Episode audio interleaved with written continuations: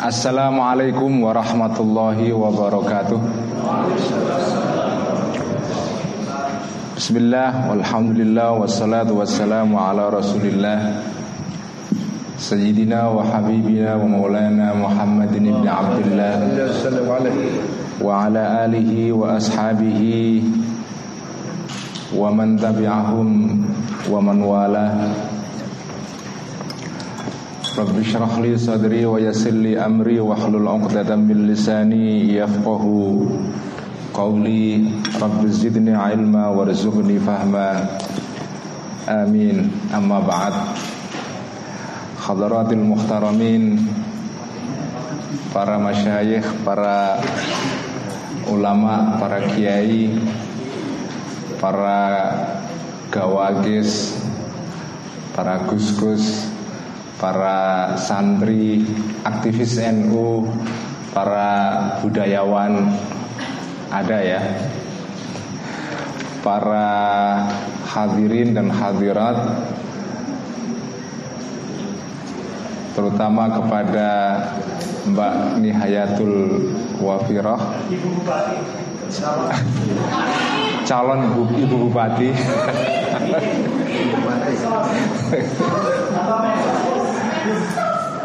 Terima kasih Ibu Nini, Ibu Dewan sudah menjaga kita di ruangan sini. Dan juga kepada para penyimak kajian ikhya secara online di semua tempat di mana pun berada baik di Indonesia maupun di luar Indonesia. Terutama teman-teman yang baru saya kunjungi kemarin di Korea Selatan Selamat datang kembali untuk pengajian ikhya pada malam hari ini. Pertama-tama Saya ingin mengucapkan terima kasih dan syukron jazilan yang setinggi-tingginya kepada teman-teman muda dan aktivis NU di Banyuwangi yang sudah bersedia mengadakan acara Kopdar Ikhya pada hari ini. Dan juga kepada para sesepuh NU Banyuwangi yang sudah menyediakan tempat di kantor PCNU Banyuwangi untuk pengajian Ikhya pada malam hari ini saya merasa gembira dan bangga sekali karena mendapatkan tempat di majelis yang terhormat ini dan sekaligus saya bisa silaturahmi dengan para tokoh-tokoh, para aktivis NU di Banyuwangi ini. Saya bukan seseorang yang asing dengan daerah sini karena saya sudah pernah ke sini dan saya punya sepupu yang menjadi menantu uh, apa di dari seorang kiai di Banyuwangi sini di Blok Agung. Saya juga punya saudara di daerah sini. Bupati Banyuwangi juga teman saya, jadi saya anggap Banyuwangi adalah rumah saya juga.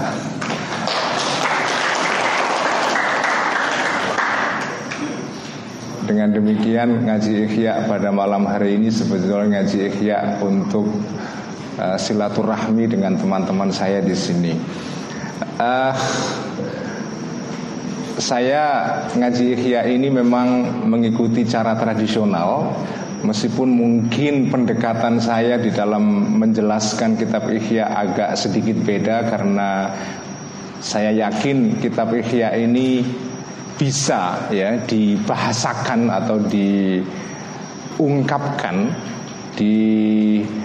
dikomunikasikan kepada publik atau kepada pembaca atau kepada umat yang hidup di zaman ini karena kitab Ihya ini sebetulnya pembahasannya itu universal. Tema yang dikandung dalam kitab ini itu sebetulnya cocok untuk segala zaman dan bahkan kadang-kadang kalau saya baca kitab Ihya itu seperti baru ditulis kemarin sore karena beberapa hal yang disinggung di dalam kitab ini itu sebetulnya persis seperti yang kita alami sekarang ini ya. Misalnya karena bagian kitab Ihya yang saya baca sekarang ini itu adalah tentang hal yang agak sedikit mengerikan karena berbicara mengenai syaitan ya mengenai kekuatan jahat ya mengenai apa yang oleh Al Ghazali disebut sebagai madakhilus syaitan tempat atau jalan-jalan di mana syaitan itu bisa masuk dan merusak jiwa manusia. Kata Al-Ghazali salah satu madakhilus syaitan, salah satu jalan syaitan ini merusak jiwa seorang yang beriman antara banyak sekali jalan-jalan yang dipakai syaitan untuk merusak jiwa seorang yang beriman, kalbu seorang yang beriman ya. Uh, salah satu jalan yang beliau singgung yang mungkin relevan untuk kita sekarang itu adalah yang beliau sebut sebagai uh, yaitu membiarkan ya orang-orang awam atau mengajak orang-orang awam berbicara mengenai hal-hal yang mereka tidak punya cukup ilmu di situ. Ya. Itu salah satu jalan di mana syaitan itu masuk dan merusak e, jiwa manusia.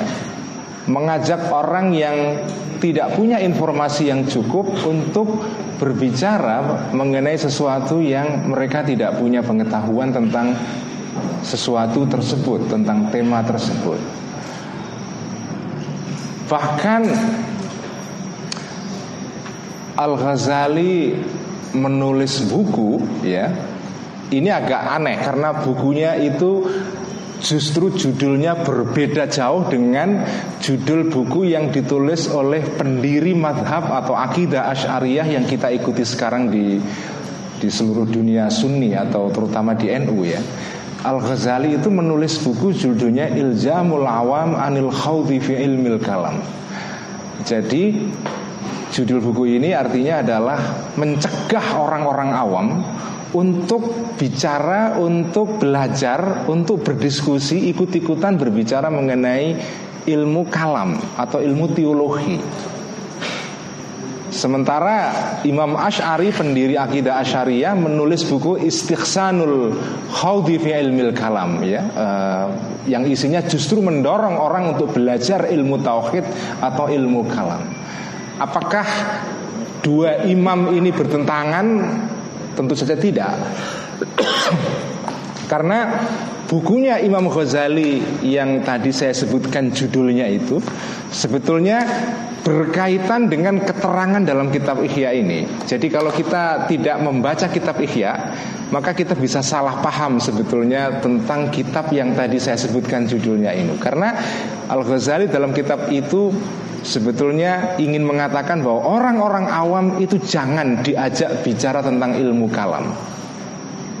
Nggak boleh belajar ilmu kalam, terutama berbicara mengenai ilmu kalam yang terlalu daki-daki, terlalu mendalam, terlalu spekulatif kalau bahasa mahasiswa sekarang ya, terlalu apa? Terlalu ngoyoworo kalau bahasa pesantrennya itu. Itu nggak boleh. Kenapa? Karena kata Imam Ghazali, ilmu semacam itu itu sebetulnya ilmu yang untuk kebanyakan orang itu kurang banyak faedahnya. Kenapa? Karena kata Imam Ghazali dalam kitab Ihya ini berkali-kali beliau mengatakan bahwa Orang itu jangan terlalu masuk dalam di dalam pembahasan-pembahasan yang justru bisa membelokkan orang dari tujuan hidup yang utama. Tujuan hidup yang utama apa? Yaitu kita mengabdi ibadah kepada Allah dan melakukan segala perintah yang diperintahkan oleh Allah dan Rasulnya dan berbicara mengenai tema ilmu kalam yang terlalu daki-daki itu kadang-kadang tidak mendukung tujuan itu. Kadang bisa membuat orang itu menjadi bingung sendiri gitu. Karena itu orang awam dianjurkan Al-Ghazali menganjurkan jangan mengajak orang-orang awam itu masuk berbicara tentang sesuatu yang mereka tidak punya kompetensi di situ. Karena mengajak mereka masuk dalam tema-tema seperti itu itu bisa menjadi jalan masuk syaitan untuk merusak, bisa mengacaukan kehidupan orang. Nah sekarang kita menyaksikan itu di mana-mana dengan adanya medsos, dengan adanya apa Twitter, Facebook, WhatsApp terutama ya.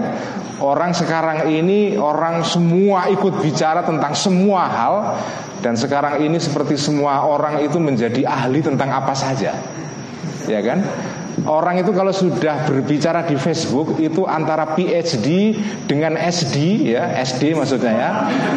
Itu nggak ada bedanya itu. Antara PhD dengan yang SD itu nggak ada bedanya. Tampak semua itu pinter semua. Karena sekarang semua hal bisa di Google. Ya kan? Ada seorang pengarang Amerika yang nulis buku judulnya The Death of Expertise ya, matinya keahlian. Karena semua orang sekarang merasa ahli tentang semua hal. Padahal mereka sebetulnya tidak punya pengetahuan, hanya ngutip informasi sana sini yang itu bisa di Google saja.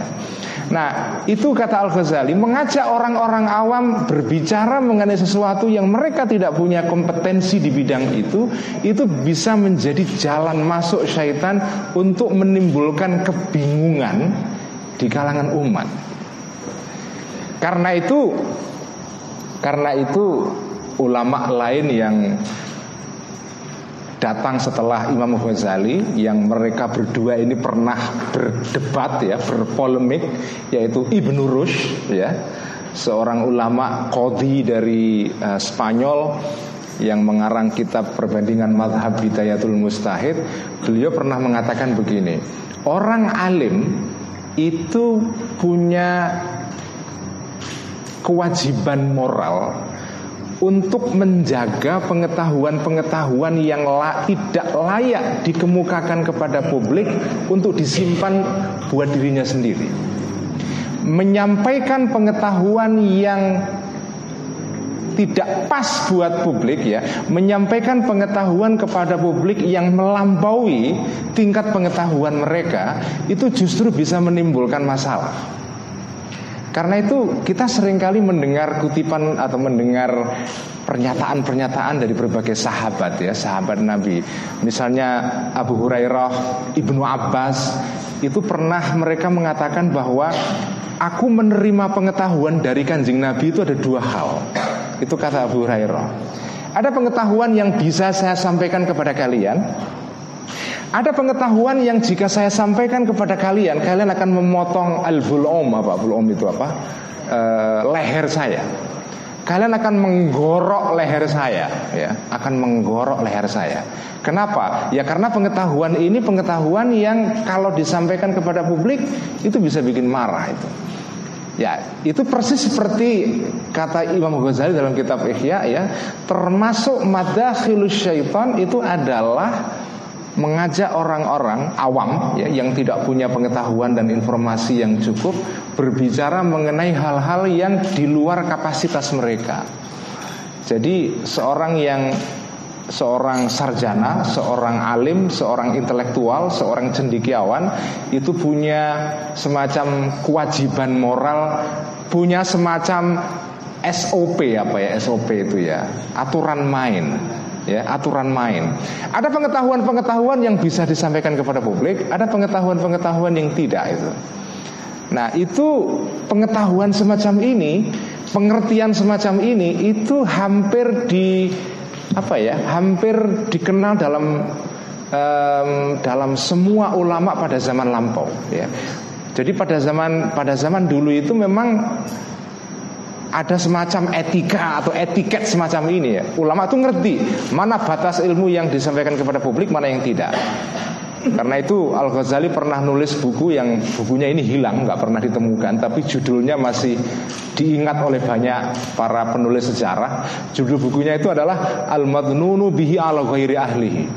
Jadi buku tentang sesuatu yang tidak boleh disampaikan kepada orang-orang yang tidak pas, yang tidak punya keahlian, yang tidak punya kompetensi, yang tidak punya apa tidak punya kesiapan untuk menerima pengetahuan itu. Jadi itulah salah satu madakhilus syaitan atau jalan masuk syaitan yang dibahas oleh Imam Ghazali dalam kitab Ihya pada bagian sebelumnya yang sudah saya baca dalam minggu-minggu sebelum ini. Nah malam ini saya akan meneruskan bacaan saya. Tadi saya katakan saya membaca kitab Ihya ini dengan cara tradisional ala pesantren ya. Saya baca kata per kata. Karena itu saya pergi ngaji di mana-mana ya eh, baca kitab Ihya saja ya dan itu memudahkan saya karena saya nggak perlu persiapan guys. Saya baca kitab Ihya saja. Uh, nah malam ini saya akan membaca kitab Ihya pada halaman uh, 917 ya. Semoga teman-teman sudah uh, memegang semua teksnya. Karena sekarang ini eranya orang kadang ngomong beladrah saya nanya sendiri jadi supaya terkontrol kita baca teks ya. Dalam hal ini saya meniru Pak Soeharto ini. Saya baca teks ya. Orde baru. Ada baiknya juga orde baru dan tidak semua jelek ya. Jadi saya akan baca teks saja uh, kitab Ihya pada halaman 917 ya. Uh, Nah, bagian ini meneruskan pembahasan sebelumnya mengenai syaitan, mengenai cara syaitan masuk kepada manusia, merusak jiwa manusia, bagaimana cara menangkalnya, uh, ya sekitar itu. Jadi kita berbicara mengenai uh, bagaimana cara syaitan itu menggoda dan menjerumuskan bani Adam atau anak cucu Adam ya halaman 917 Sebelum kita mulai ngaji uh, kitab Ihya ini sebelum saya baca teksnya saya akan mengajak kalian untuk uh, membaca Fatihah menghadiahkan Fatihah kepada uh, pengarang kitab ini yaitu Hujatul Islam Abu Hamid Al-Ghazali dan juga kepada para sesepuh kita para masyayikh terutama para muassis Nahdlatul Ulama dan juga para orang-orang tua kita, saudara-saudara kita.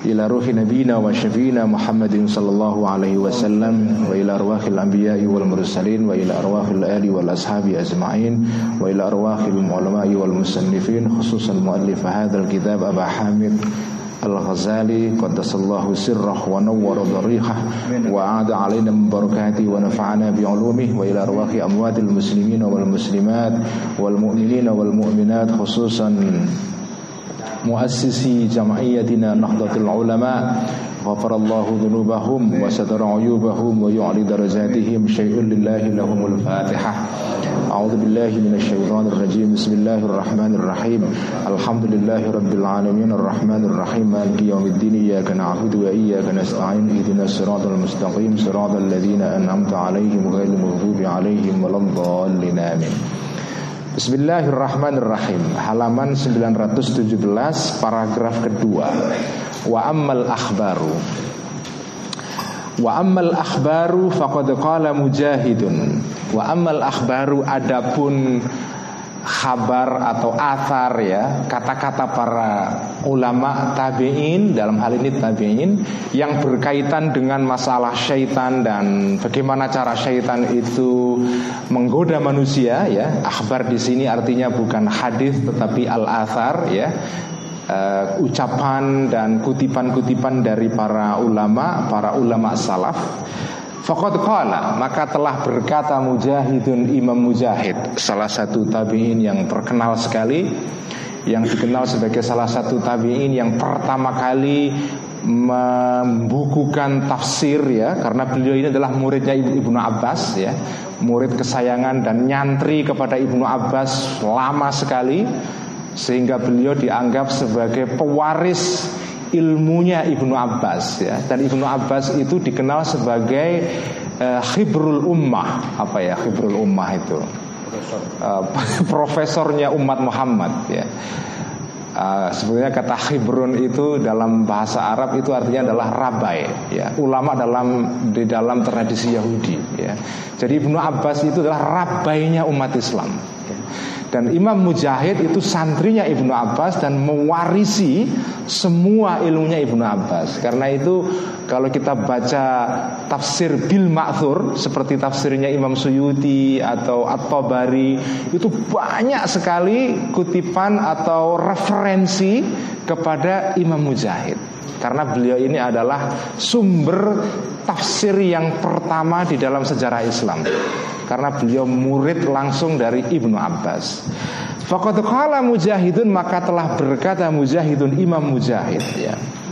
Tentang iblis ini ya. Li iblisa khamsatun minal auladi ya.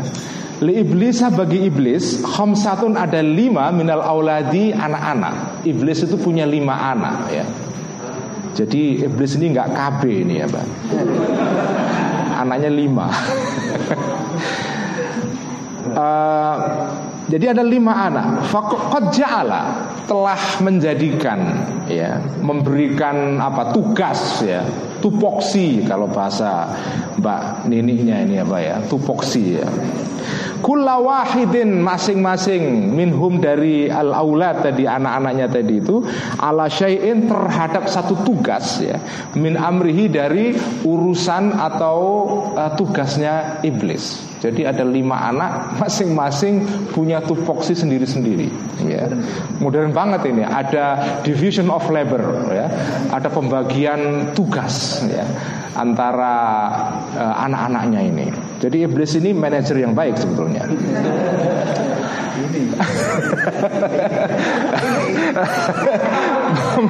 manajer yang baik. Uh, sebagai manajer boleh ditiru, tetapi yang di manajeri nggak boleh ditiru. Jadi pembagian tugas, lima anak masing-masing diberikan tugas. Nah, siapa nama masing-masing lima anak itu? Pertama Sabrun ya, ada anak namanya Sabr ya, Sabr. Ini jangan sampai dijadikan nama anak kalian ya. Bahaya ini. Mentang-mentang bahasa Arab langsung dijadikan nama anak. Wal a'waru dan a'war. Jadi anak kedua namanya a'war, wa mabsutun ya. Wa mabsutu ya. Ghairu munsharif karena ini apa? Eh, ayat. Wa mabsutu dan mabsut. Jadi anak namanya mabsut ya. Wadasimun dan dasim ya Wazalamburu dan zalambur ya. ya zalambur ini bahasanya menggoda untuk dijadikan nama anak zalambur ini. Jadi sabrun, awar, mabsud, tasim, zalambur. Ini lima anaknya iblis ya. Nah, masing-masing ini punya tugas. Fa'amma sabr Anapun sabar ya, anak iblis yang bernama sabar ini, fahuwa maka dia ini sabar. Sahibul masaibi adalah uh, petugas yang mengurus tentang masaib, musibah-musibah. Jadi dia diberi tugas oleh bapaknya untuk mengurus soal-soal yang terkait dengan musibah, bencana alam ya ini semacam apa itu lembaga pemerintah yang uh, eh? BNP, BNPT, uh, BNPD. Ya, setan aja punya kok apa? Tuh, uh, Tuka, tu, apa punya uh, petugas yang ngurus soal bencana alam nih. Tidak ada ini. Al sahibul masaibi adalah uh, petugas. Sahib artinya adalah orang yang ngurus ya, petugas ya. Sahibul masaibi adalah petugas tentang atau yang mengurus musibah-musibah. Alladzi ya'muru, alladzi yang ya'muru yang uh, memerintahkan ya uh, alladzi tadi atau sabar bisuburi untuk meratap ya bisuburi untuk meratap wasyakil juyubi dan menyobek-nyobek uh, baju. Ya jaib ini baju yang sebelah sini ini ya. Tradisi orang Arab kalau kena terkena bencana musibah ya musibah yang mengenai keluarganya meninggal. Itu salah satu tradisi mereka adalah perempuannya terutama itu mereka meratap sekeras-kerasnya dan merobek bajunya untuk menunjukkan bahwa mereka sedih. Kadang-kadang malah ada tukang yang khusus disewa ya untuk meratap dan menangis ya. Itu ada tim yang menyediakan jasa untuk meratap itu. Ya, itu ada itu ya. Ada tem, ada tempat penyewaan untuk meratap itu. Walat mil khududi dan menampar-nampar pipi. Ya itu itu cara orang Arab kalau sedih ya Ditampar pipinya, disobek bajunya Kemudian meratap sekeras-kerasnya. Sampai datang Islam dilarang kan? Nabi dalam hadisnya yang terkenal uh, Melarang melakukan ini semua Karena ini tradisi jahiliyah. Tradisi syaitan ini ya jadi syaitan punya anak namanya Saber yang tugasnya adalah ini menggoda orang kalau terkena bencana mereka menampakkan kesedihan yang luar biasa. Wah, ini kan kayak politisi kita kalau ada bencana menampakkan kesedihan yang luar biasa itu kan. Nah ini ini pengaruh dari anak setan yang namanya Saber ini ya. Sebetulnya kan apa sih poinnya ini?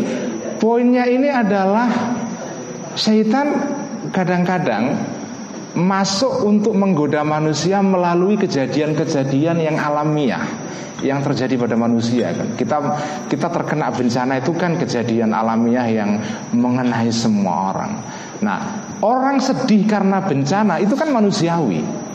Tapi begitu orang sedihnya itu melebihi batas sampai kadang-kadang kesedihan itu apa ya kesedihan itu sekarang atau dalam beberapa di dalam beberapa kebudayaan, dalam beberapa komunitas, dalam beberapa masyarakat, kesedihan itu bahkan kadang-kadang menyangkut status sosial. Orang yang terkena bencana tertentu kalau dia menampakkan kesedihan dengan cara tertentu itu mencerminkan kelas sosial dia. Iya kan? Nah itu yang dilarang oleh Islam Makanya sebelum Islam datang Itu memang cara orang jahiliyah untuk sedih Itu ada ada caranya Bahkan ada jasa penyewaan untuk bersedih karena apa? Profesi. Ada profesinya. Karena itu terkait dengan status sosial. Kalau kamu kaya, kena bencana kok tidak kelihatan sedih, itu mengganggu status sosial kamu. Jangan-jangan saya pun sekarang di Nah, jadi ya kesedihan pun sekarang kan sudah menjadi kadang-kadang menjadi semacam komoditi kan, ya. Nah, ini ini yang dilarang oleh Islam dan uh, itulah jalan masuk uh, iblis untuk menggoda manusia melalui peristiwa kesedihan ya yang menimpa manusia. nah, kalah pilkada juga salah satu sumber kesedihan itu wadakwal jahiliyati dan um, apa itu dan dan doa apa itu jahiliyah ya. Jadi inilah inilah tugas anak setan atau iblis yang namanya sabar ini. Wa amal a'waru. Nah, sekarang yang berikutnya, anak setan yang kedua. Wa amal a'waru. Adapun anak iblis yang kedua yang namanya awar, ya. Awar itu sebetulnya secara harafiah artinya orang yang matanya cuma satu, apa PC kalau bahasa di sini apa bahasanya ya? Kero, kero. Nah, kero. Tapi kalau kero itu matanya dua, cuma pandangannya tidak lurus, ya. Tapi matanya tinggal satu saja, ya. Apa? Petong. Petong, ya. Kalau di Jawa Tengah namanya PC Bukan DPC ini ya Wa amal awaru adapun anak iblis yang namanya awar fa innahu sahibuz zina. Fa innahu maka sesungguhnya awar ini sahibuz zina adalah uh, petugas urusan zina. Ada divisi departemen urusan perzinaan. ya. Ini ada, ada departemen urusan perzinaan dipimpin oleh pejabat anaknya setan namanya Awar ya. Anggarannya ya? ada anggarannya ini. Ya mur memerintahkan Awar tadi itu bihi dengan zina tadi itu wayuzayyinu dan apa membuat uh, membuat mem, apa menghiasi awar tadi hu terhadap zina. Jadi tugas dia adalah melakukan promosi ya untuk perzinaan, ya marketing perzinaan. Inilah awar ini. Ya sekarang kita kita menyaksikan itu sekarang ini kan marketing perzinaan itu melalui um, komunikasi modern luar biasa. Ya ini inilah ini di bawah departemen iblis yang dipimpin oleh namanya Bapak Awar ini ya. Wa amma mabsutu. Adapun mabsut Anak apa itu? Syaitan yang ketiga namanya mabsut. Fahuwa sahibul kidbi Fahuwa maka mabsut ini Sahibul kidbi adalah petugas urusan Kebohongan atau hoax ya. Jadi ada anak iblis yang tupoksinya ngurus khusus soal hoax ini. Ya. Cyber army lah. Cyber arminya iblis ini. Khusus mengurusi kebohongan publik. Ini kok apa ya eh, kata-kata Imam Mujahid ini kok cocok dengan zaman sekarang ya Persis ini. Jadi ada iblis yang khusus tugasnya adalah ngurusi soal kebohongan publik, hoax, fitnah, ya, dan segala macam. Inilah tugas daripada anak iblis yang keempat ini ya. Ketiga. Nah, jadi ini ini yang ketiga ya urusan kebohongan. Wa amma dasimu, anapun dasim ya, adapun dasim ini ya. Ini juga jangan dijadikan nama anak ya. Wa amma dasim wa adapun dasim. Fa innahu maka sesungguhnya dasim ini yadkhulu masuk dia masuk ma'ar rajuli bersama seorang laki-laki yang bersuami ila ahlihi kepada istrinya. Uh, rajul tadi itu ahli di sini adalah istrinya. Yarmi ya Yarmi menuduh uh, apa itu uh, rojul tadi itu him kepada ahlinya ya ini jadi tugas tugas syaitan anak iblis yang keempat yang namanya dasim ini adalah dia bertugas untuk membuat keributan antara suami istri. Nah, jadi ini tugasnya merusak tetangga, merus, merusak apa rumah tangga ini ya. Jadi suami istri dibuat saling mencurigai. Nah ini kan. Hah?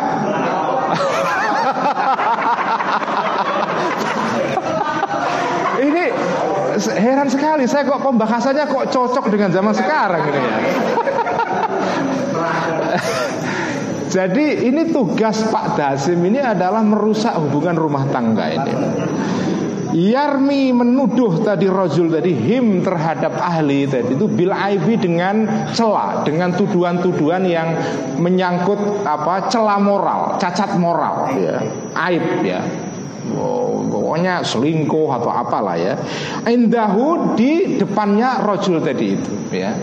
Jadi tugasnya setan yang satu ini begitu. Jadi dia mendorong seorang laki-laki untuk menuduh istrinya melakukan tindakan-tindakan yang amoral wayuhdibu dan membuat apa e, marah ya membuat marah e, dasim tadi itu hu terhadap rojul tadi itu alaihim terhadap ahlinya. Inilah jadi tugas e, syaitan yang atau iblis anak iblis yang keempat. Tugasnya adalah urusan privat ya keluarga ya yang terakhir wa amma zalamburu adapun anak iblis yang bernama zalambur ya. Fahuwa maka zalambur ini sohibus suki adalah petugas urusan pasar. Jadi ada departemen di dalam iblis sana itu yang berkaitan dengan pasar perdagangan, ya, perdagangan. Jadi ini terkait dengan pasar ini. Fabisababihi maka karena sebab Zalambur ini ya layazaluna terus menerus orang-orang manusia mutazallimina mereka berbuat zalim ya. Mutazallimina ayu zalimina mereka berbuat zalim. Karena godaan zalambur inilah orang-orang yang melakukan perdagangan melakukan kecurangan mutazallim ya. Itulah tugas setan yang kelima. Jadi ini dan kelima hal ini itu kan sebetulnya menyangkut semua aspek kehidupan kita sebetulnya ya. Jadi urusan kesedihan ya, urusan bencana, urusan perzinaan ya, menyangkut hubungan antara laki-laki dan perempuan, urusan kebohongan, urusan suami istri, dan terakhir urusan perdagangan. Ya. Cuma kalau di sini tidak ada yang urusan politik ya. Ah, tapi ini juga terkait dengan itu juga ya. Nah, yang kemudian ada juga tambahan wa syaitanus salati. Adapun syaitan salat ya, syaitan yang menggoda orang pada saat salat yusamma disebut khonzaba sebagai khonzab. Jadi syaitan yang bertugas khusus untuk menggoda kita ketika salat itu namanya khonzab ya. Dan kata Al-Ghazali pada bagian yang sebelumnya sebelum ini yang saya baca kemarin di Korea itu menarik sekali. Al-Ghazali mengatakan orang itu kalau salat itu aneh sekali.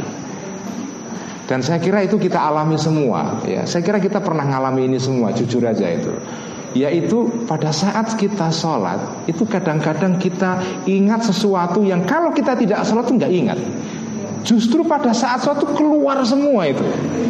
Wow macam-macam itu.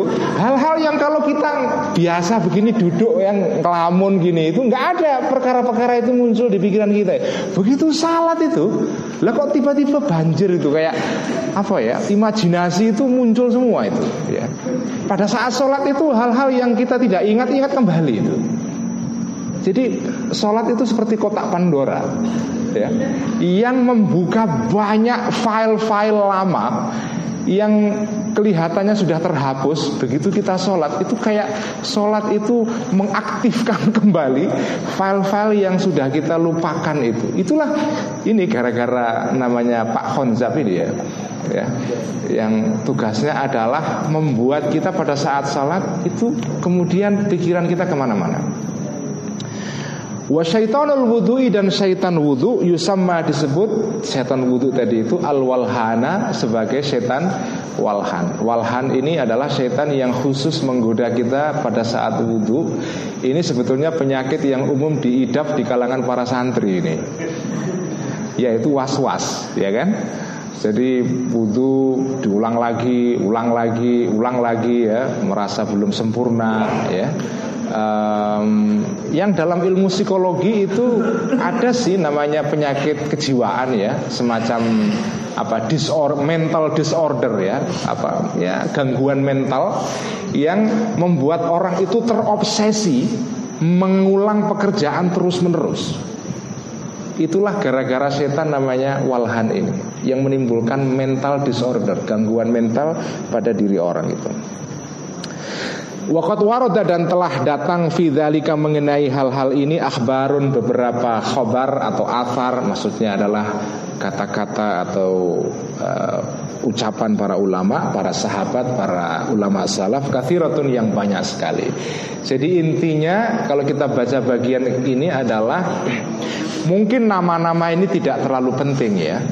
Tetapi yang penting adalah bahwa syaitan itu um, masuk di dalam setiap aspek kehidupan manusia yang kita jalani sehari-hari ya. Itu intinya. Karena kalau kita baca kitab Ihya pada bagian ini sebetulnya salah satu poin penting itu adalah ya seperti saya katakan berkali-kali ya tidak ada orang itu yang boleh merasa aman dari kemungkinan digoda syaitan karena syaitan itu selalu ada pada setiap pekerjaan kita. Bahkan kadang-kadang setan itu masuk di dalam uh, kalbu manusia melalui pekerjaan-pekerjaan yang tampaknya itu ke labelnya itu label agama ya. yang covernya sampulnya itu sampul yang islami yang syar'i ya sampul syar'i tetapi sebetulnya di baliknya itu syaitan bisa juga menyelinap masuk itu. Karena itu pesan yang ingin disampaikan oleh Al-Ghazali melalui pembahasan yang panjang lebar mengenai soal syaitan ini adalah supaya orang itu terus-menerus waspada, jangan sampai lengah karena biasanya syaitan itu masuk. Jadi kata Al-Ghazali Syaitan itu tidak masuk menggoda manusia Melalui pekerjaan-pekerjaan yang jelas-jelas dosa. Itu enggak. Karena kalau jelas-jelas dosa Itu semua orang tahu itu dosa Nggak perlu itu syaitan menggoda manusia untuk melakukan itu karena jelas. Tetapi yang syaitan masuk kadang-kadang atau sering bahkan itu adalah melalui tindakan-tindakan pekerjaan-pekerjaan yang sampul luarnya itu keren, agamis, religius, ya Islami. Islami banget, tetapi kemudian dari balik sampul ini syaitan masuk itu. Karena itu kata Imam Ghazali dalam bagian sebelumnya syaitan itu um, menggoda orang-orang yang ahli ibadah itu taktiknya juga ada sendiri yang berbeda dengan taktik yang mereka gunakan untuk orang-orang awam yang bukan ahli ibadah. Jadi kalau ahli ibadah, syaitan itu juga tampil sebagai orang yang ahli ibadah juga itu. Jadi mengertilah cara kerja orang-orang ulama para kiai itu dia dia ngerti itu apa cara kerja kiai bagaimana dan dia mencoba masuk melalui jalan-jalan yang kelihatannya itu seperti jalan kiai. Tapi sebetulnya di balik itu ada sesuatu yang e, merusak yang destruktif itu ya Baik, saya teruskan. Wa kama anna dan sebagaimana sesungguhnya syaitan-syaitan fihim di antara atau ya di antara atau tentang syaitan tadi itu kafratun ada banyak, ada ada banyak jenisnya, ada banyak jumlahnya. Sebagaimana syaitan itu banyak, fakadzalika maka begitu juga fil malaikati di dalam atau tentang malaikat di dalam uh, malaikat kafrotun ada juga banyak, ada kebanyakan. Artinya syaitan dan malaikat itu jumlahnya banyak. Syaitan banyak, malaikat juga banyak. Dengan kata lain, di dalam diri manusia itu sebetulnya ada sejumlah syaitan yang bertugas khusus untuk menggoda kita, tetapi pada saat yang sama ada sejumlah yang sama dari malaikat yang mengendalikan mereka. Jadi dengan kata lain, di dalam diri manusia itu ada dua kekuatan yang saling berperang. Ada sepuluh syaitan tapi juga ada sepuluh malaikat. Ada seratus syaitan, ada seratus malaikat. Jadi di dalam diri manusia dua kekuatan ini saling bertarung. Wakat zakarna dan telah menyebut kami fi kita bisyukri di dalam kitab tentang syukur ya. Asirra dalam kitab Ihya ini ya, maksudnya kitab syukur dalam kitab Ihya ini, asirra mengenai rahasia fi kathratil malaikati tentang banyaknya malaikat. Sebetulnya kitab syukur ini adanya di kitab Ihya jilid keempat, tapi sudah disebutkan sebelumnya oleh Imam di sini ya. Jadi sebetulnya Imam Ghazali ketika ngarang kitab Ihya ini kayak sebetulnya outline-nya itu sudah jelas semua apa yang dia mau tulis itu. Sehingga ini kitab syukri ini adanya di jilid setelah ini, ini jilid ketiga, jilid keempat itu ada kitab syukur. Nah, beliau merujuk bagian kitab Ihya yang di belakang. Menunjukkan apa? Menunjukkan bahwa ketika beliau menulis kitab ini Itu di dalam pikiran beliau itu Susunan babnya itu sudah sudah selesai itu. Jadi ini kayak kalau kayak kalau orang nulis disertasi gitu, itu sudah ada daftar babnya. Jadi beliau nanti akan membahas tentang syukur di dalam apa itu eh, bagian berikutnya. Meskipun beliau menggunakan fi'il madi di sini wakot zakarna, tapi sebetulnya rujukannya ke belakang. Ya. Wakat zakarna dan telah menyebut kami fi kita bisyukri dalam kitab syukur yang akan datang nanti Asir rahasia fi kafratil malaikati tentang banyaknya jumlah malaikat ya. Waktu kulin dan apa? Spesialisasi masing-masing kuli wahidin masing-masing ya minhum dari malaikat tadi itu biamalin dengan tugas munfaridin yang khusus bihi dengan uh, wahid tadi itu ya. Jadi malaikat pun sama dengan uh, syaitan juga profesional, ada pembagian tugas juga ya. Jadi syaitan dan malaikat ini sebetulnya sama canggihnya. Mereka juga uh, ada pembagian-pembagian tugas. Waqat qala dan telah berkata Abu Umamah Abu Umamah Al-Bahili ini seorang sahabat yang terkenal ya. Sahabat Abu Umamah Al-Bahili Beliau berkata, qala berkata bersabda Rasulullah Rasulullah sallallahu alaihi wasallam. Kata Rasul, sabda Rasul wukila ya. Wukila bil mu'mini mi'atun wasituna malakan. Wukila diberikan uh, tugas diwakilkan, diberikan tugas, diberikan assignment ya. PR bil mukmini kepada setiap orang mukmin, setiap orang mukmin yang beriman itu diberikan uh, apa di dimodali oleh Allah itu miatun seratus wasituna dan enam puluh. Malakan apa? Malaikat jadi di, kita ini punya modal 160 malaikat ini. Jadi sebetulnya kita ini nggak sendirian ya. Kita ini punya 160 malaikat. Artinya ada kekuatan-kekuatan positif dalam diri kita yang banyak itu yang kalau kita bisa daya gunakan itu itu kita bisa menjadi manusia yang sempurna.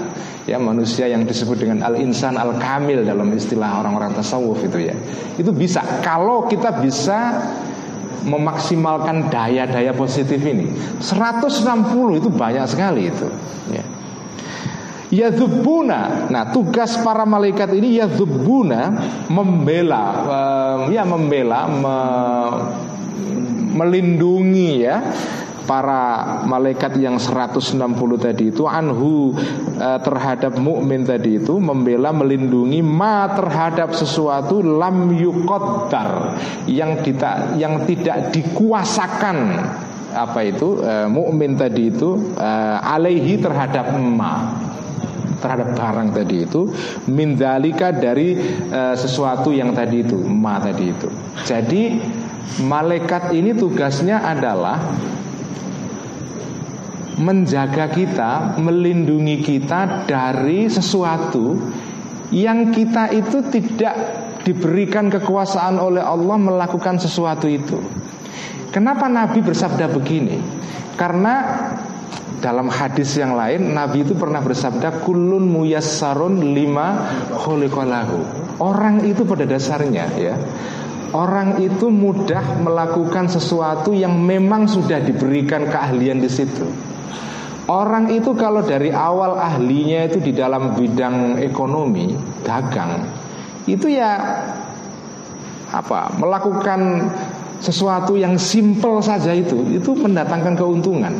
Karena kulun muyasarun lima khuliqallahu Semua orang itu dimudahkan melakukan sesuatu yang memang sudah ditakdirkan orang itu untuk melakukan sesuatu itu.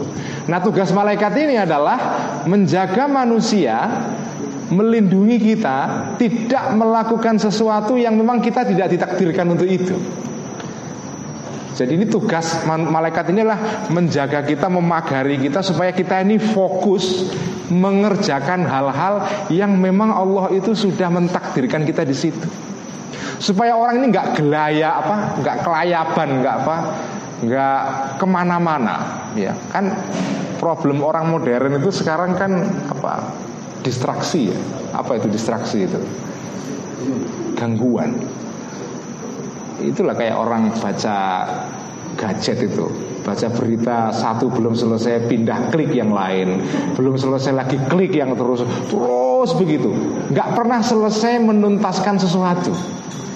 Itulah penyakit orang yang hidup di zaman media sosial sekarang. Ya kan? Kita tidak pernah menyelesaikan pekerjaan karena diganggu dengan pekerjaan berikutnya. Belum selesai yang satu mengerjakan berikutnya terus begitu.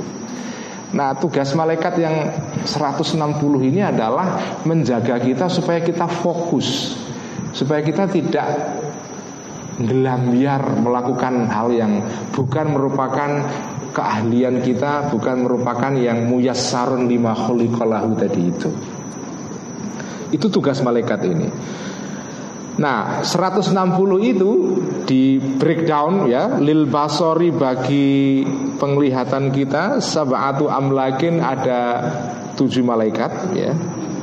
Sab'atu amlakin ada tujuh malaikat Yadhubuna yang menjaga Sab'atu amlakin tadi itu Anhu dari basor Kama yadhubu sebagaimana menjaga Adzubabu kama yudzabu ya. Kama yudzabu sebagaimana dicegah diusir adzubabu lalat angkos atil asali dari baskom atau nampan tempat apa madu ya.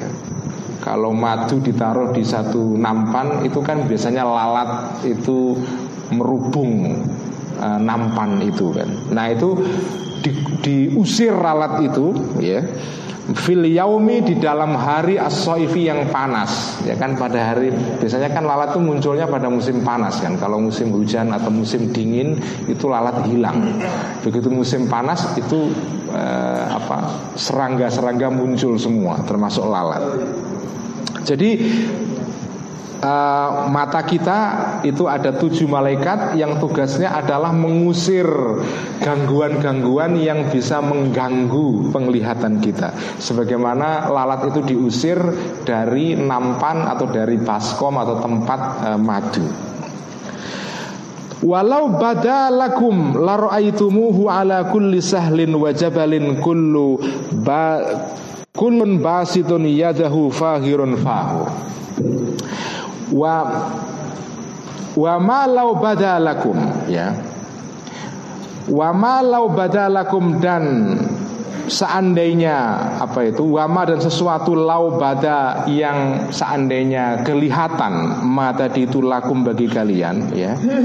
Laro aitumuhu maka akan melihat kalian hu terhadap mata itu ala kulli sahlin ya di atas segala apa itu bukit ya wajabalin dan uh, sorry sahlin ini lembah wajabalin dan gunung ya. Kulun masing-masing basitun me, apa membuka apa itu yadahu apa merentang yadahu tangannya kulun tadi itu. Fahirun membuka fahu terhadap mulutnya kulun tadi itu. Walau wukila dan seandainya diserahkan ya al abdu seorang hamba ila nafsihi terhadap dirinya hamba tadi itu torfata ainin sekejap mata saja. Lah tatofathu lah tatofat maka sudah pasti akan apa?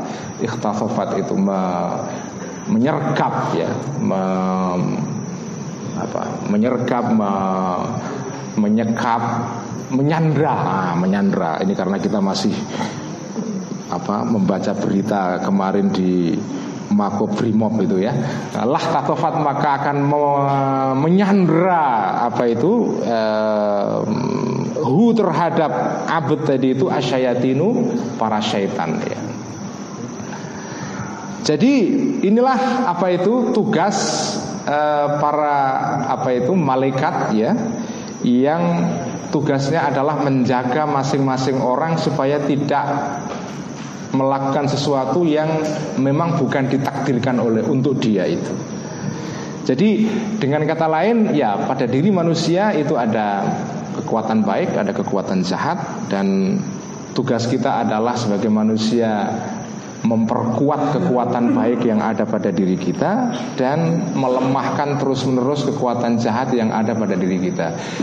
Pada bagian sebelumnya Al-Ghazali menerangkan bahwa bedanya orang mukmin dengan orang yang kafir adalah dalam satu hal yaitu setannya orang mukmin itu kurus sementara setannya orang kafir itu gemuk sekali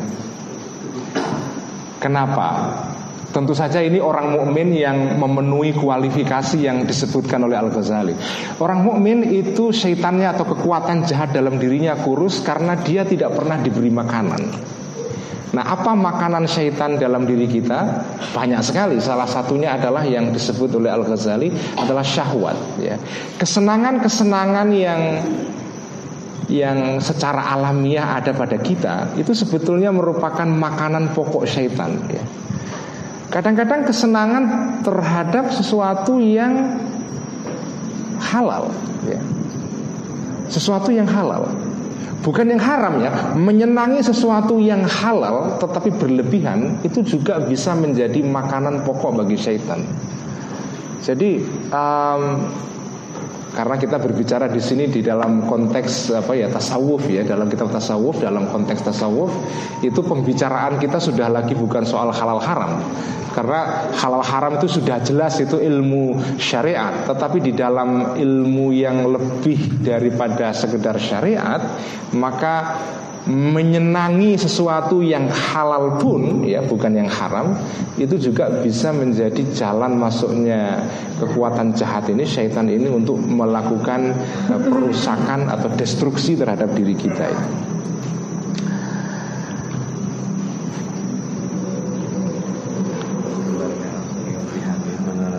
Apa? Oh, turun sangat ya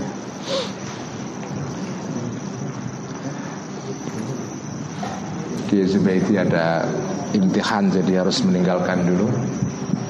Matur nuwun Kiai.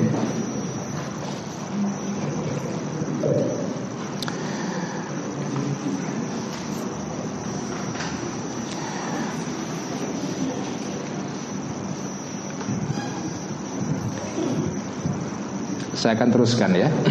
Jadi uh, inilah hadis yang diriwayatkan oleh sahabat Abu Umama Al Bahili ya, yang uh, terkait dengan adanya apa malaikat yang menjaga manusia. Jadi kalau sebelumnya tadi kita bicara mengenai soal syaitan, maka pada saat yang sama manusia itu juga ditunggui atau dijaga oleh malaikat juga itu.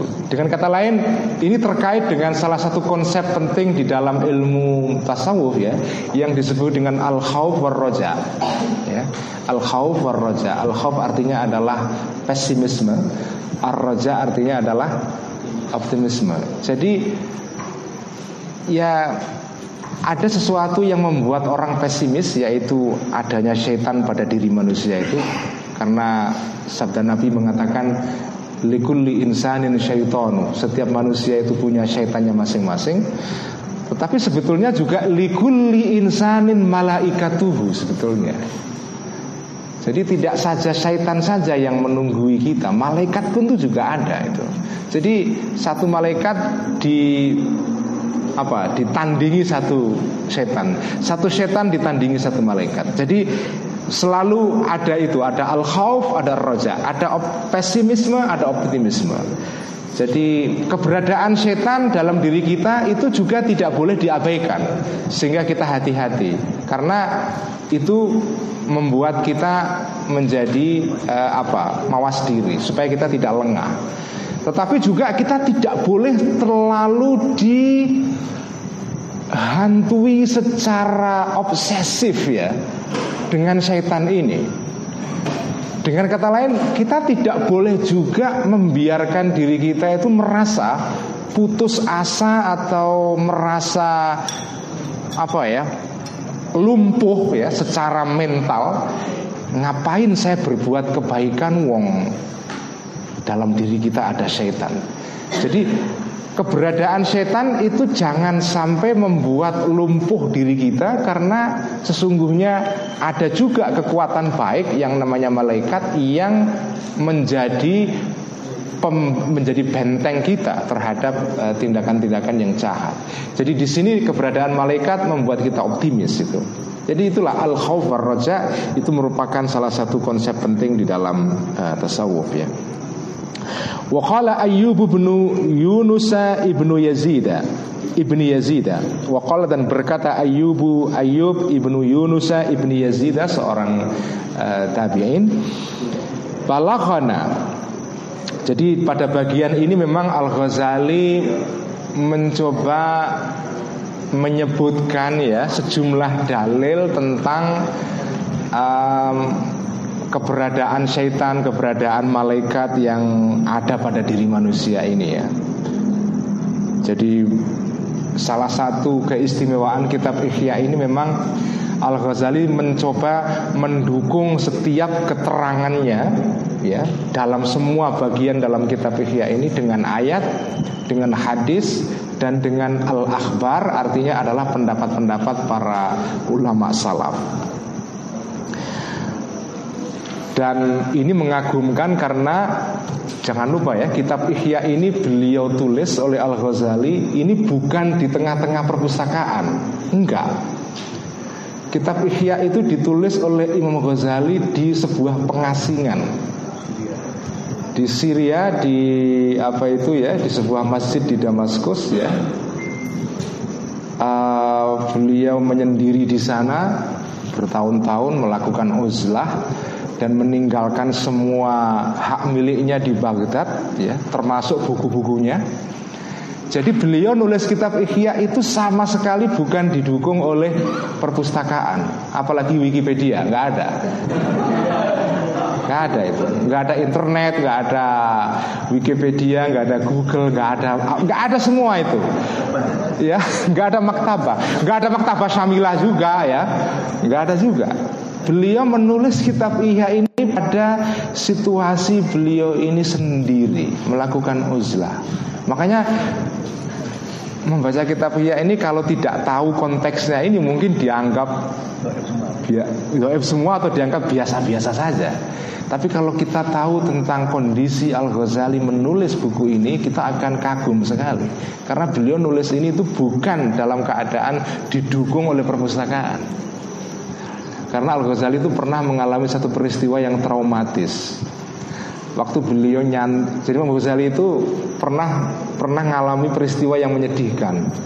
Pada saat beliau pulang dari mondok Dari Nisabur sebelum Nisabur ini, sebelum beliau pulang uh, mondok berguru kepada Imam Haromen yang terkenal ya. Gurunya Imam Ghazali itu Al Juwaini yang terkenal. Beliau mondok di sana sampai Imam Juwaini meninggal. Jadi Imam Ghazali itu sebenarnya murid murid sepanjang hayat Imam Haromen sampai beliau meninggal baru beliau kemudian pergi ke Baghdad. Tapi sebelum beliau berguru dengan apa itu Imam Haromen beliau pernah mondok sebelumnya di seorang kiai yang kurang terkenal selama tiga tahun.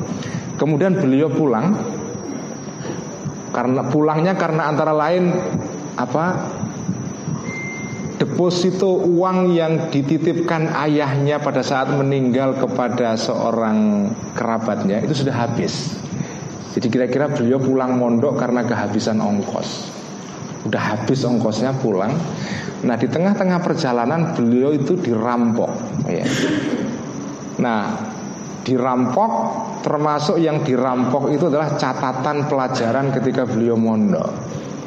Nah ketika beliau dirampok ini yang Imam Ghazali itu apa menyesal dan sedih bukan dirampok hartanya tapi catatan pelajarannya ini. Jadi dia kejar rampoknya itu kemudian dia mm, apa menangis-nangis tolong kamu ambil dompet saya tapi buku catatan ini jangan sampai kamu ambil karena ini ilmu saya di situ semua. Kalau kamu ambil data saya hilang. Ini kamu kayak apa? Kayak diambil flash disknya gitu lah kira-kira ya. Hilang semua saya nggak punya data ini. Lalu kata perampoknya itu Menarik sekali. Ini kata perampok yang mengubah cara berpikir Al-Ghazali sepanjang hayatnya Setelah itu. Kata perampoknya Jadi ilmu kamu di buku ini ya? Kalau buku ini hilang jadi ilmu kamu hilang. Al-Ghazali mendengar kata-kata perampok ini Langsung kayak mengalami Apa?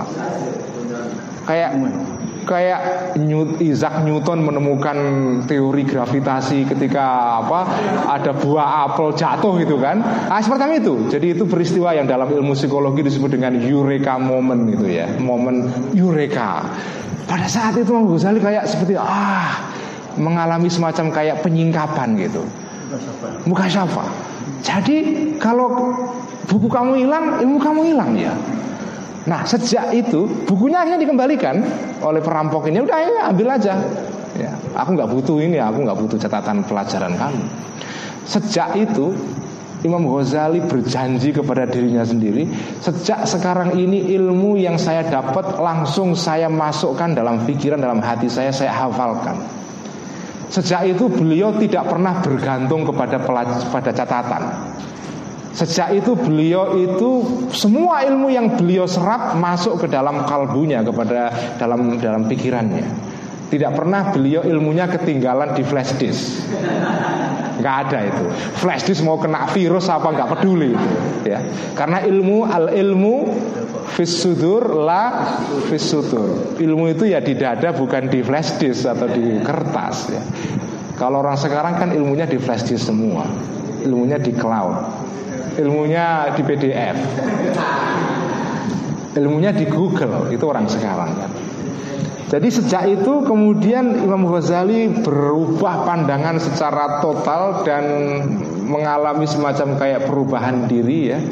Dan tidak pernah lagi bergantung kepada kitab. Karena itu beliau ketika ngarang kitab Ihya ya semua ini datang dari hafalannya. Dan dalam kitab Ihya ini ada ribuan hadis kan. Ribuan hadis ya memang ada sebagian hadis yang doif ya yang sudah ditakhris oleh Imam Iraqi di sini. Tetapi lagi-lagi ini orang nulis bukan ada bukunya, ya. Artinya Ghazali itu hafal ribuan hadis beliau ini. Hafal ribuan kata-kata para tabiin dan ulama salaf. Bukan saja hadis loh, hafal ribuan pendapat para ulama. Dan yang dikutip Al-Ghazali bukan saja Quran, hadis, pendapat para ulama, tapi juga kitab-kitab yang ditulis oleh para penulis ulama, penulis ilmu tasawuf sebelum Imam Ghazali. Misalnya seperti Abu Talib Abu Talib Al Makki misalnya yang nulis buku Kutul Kulub itu banyak dikutip di dalam kitab Ihya ini. Padahal beliau ketika ngarang kitab Ihya ini ya tidak ada kitab Kutul Kulub di sampingnya. Tadi saya katakan beliau ini nulis buku di masjid sendirian, nggak ada perpustakaan. Pendapat dalam kitab-kitabnya Al Harith Al Muhasibi misalnya itu banyak dikutip dalam kitab Ihya ini. Jadi mengagumkan sekali karena kitab Ihya ini seperti ensiklopedi yang luar biasa, isinya banyak sekali pengetahuan, kutipan-kutipan dari para ulama. Termasuk ini yang banyak orang tidak tahu, kutipan-kutipan dari buku-buku falsafah dari dari Ibnu Sina itu banyak sekali dalam kitab Ihya ini ya. Jadi kitab Ihya ini sebetulnya memang tidak pernah menyebut kata falsafah kecuali pada bagian pertama di dalam bab tentang ilmu juz pertama yang bagian awal ada menyebut falsafah. Tapi sebetulnya walaupun Al Ghazali tidak menyebut kata falsafah terlalu sering, tapi sebetulnya beliau banyak sekali menjelaskan pendapat-pendapat para filosof muslim seperti Ibnu Sina. Lagi-lagi beliau tidak membawa kitab falsafah juga. Ya. Artinya semua ilmu yang beliau tulis di sini itu sebetulnya berdasarkan pada hafalan beliau yang luar biasa. Dan memang salah satu tradisi yang unik di dalam sejarah Islam klasik dulu ya itu hafalan memang yang sekarang itu sudah hilang semua ya. Hafal alfiyah pun sekarang sudah mulai jarang ya, ya hafal alfiyah. Dulu yang dihafal bukan hanya alfiyah tapi ya ribuan hadis ribuan kitab ya. Um, sekarang yang dihafal yang lain-lain itu. Yang dihafal nomor telepon jadi uh, inilah apa uh, pembahasan kita mengenai uh, tentang syaitan dan malaikat ya. Saya nggak akan teruskan. Saya kira saya hentikan di sini saja dulu uh, supaya mungkin ada diskusi dan ada tanggapan dari uh, Kiai Yusuf Nur Iskandar ya. Um, atau saya teruskan sedikit ya, gak apa-apa ya. Uh, sampai jam 10 lah saya sudah jauh-jauh dari Jakarta ke sini masa sayang lah kalau saya baca sedikit. Saya, saya turunkan sedikit.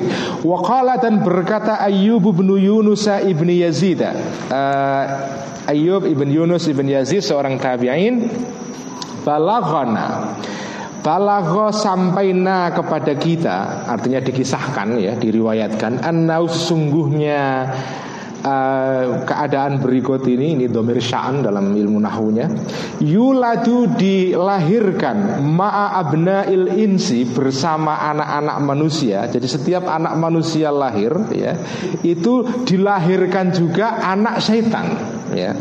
Jadi setiap lahir satu anak manusia lahir satu anak syaitan jadi satu banding satu pendamping.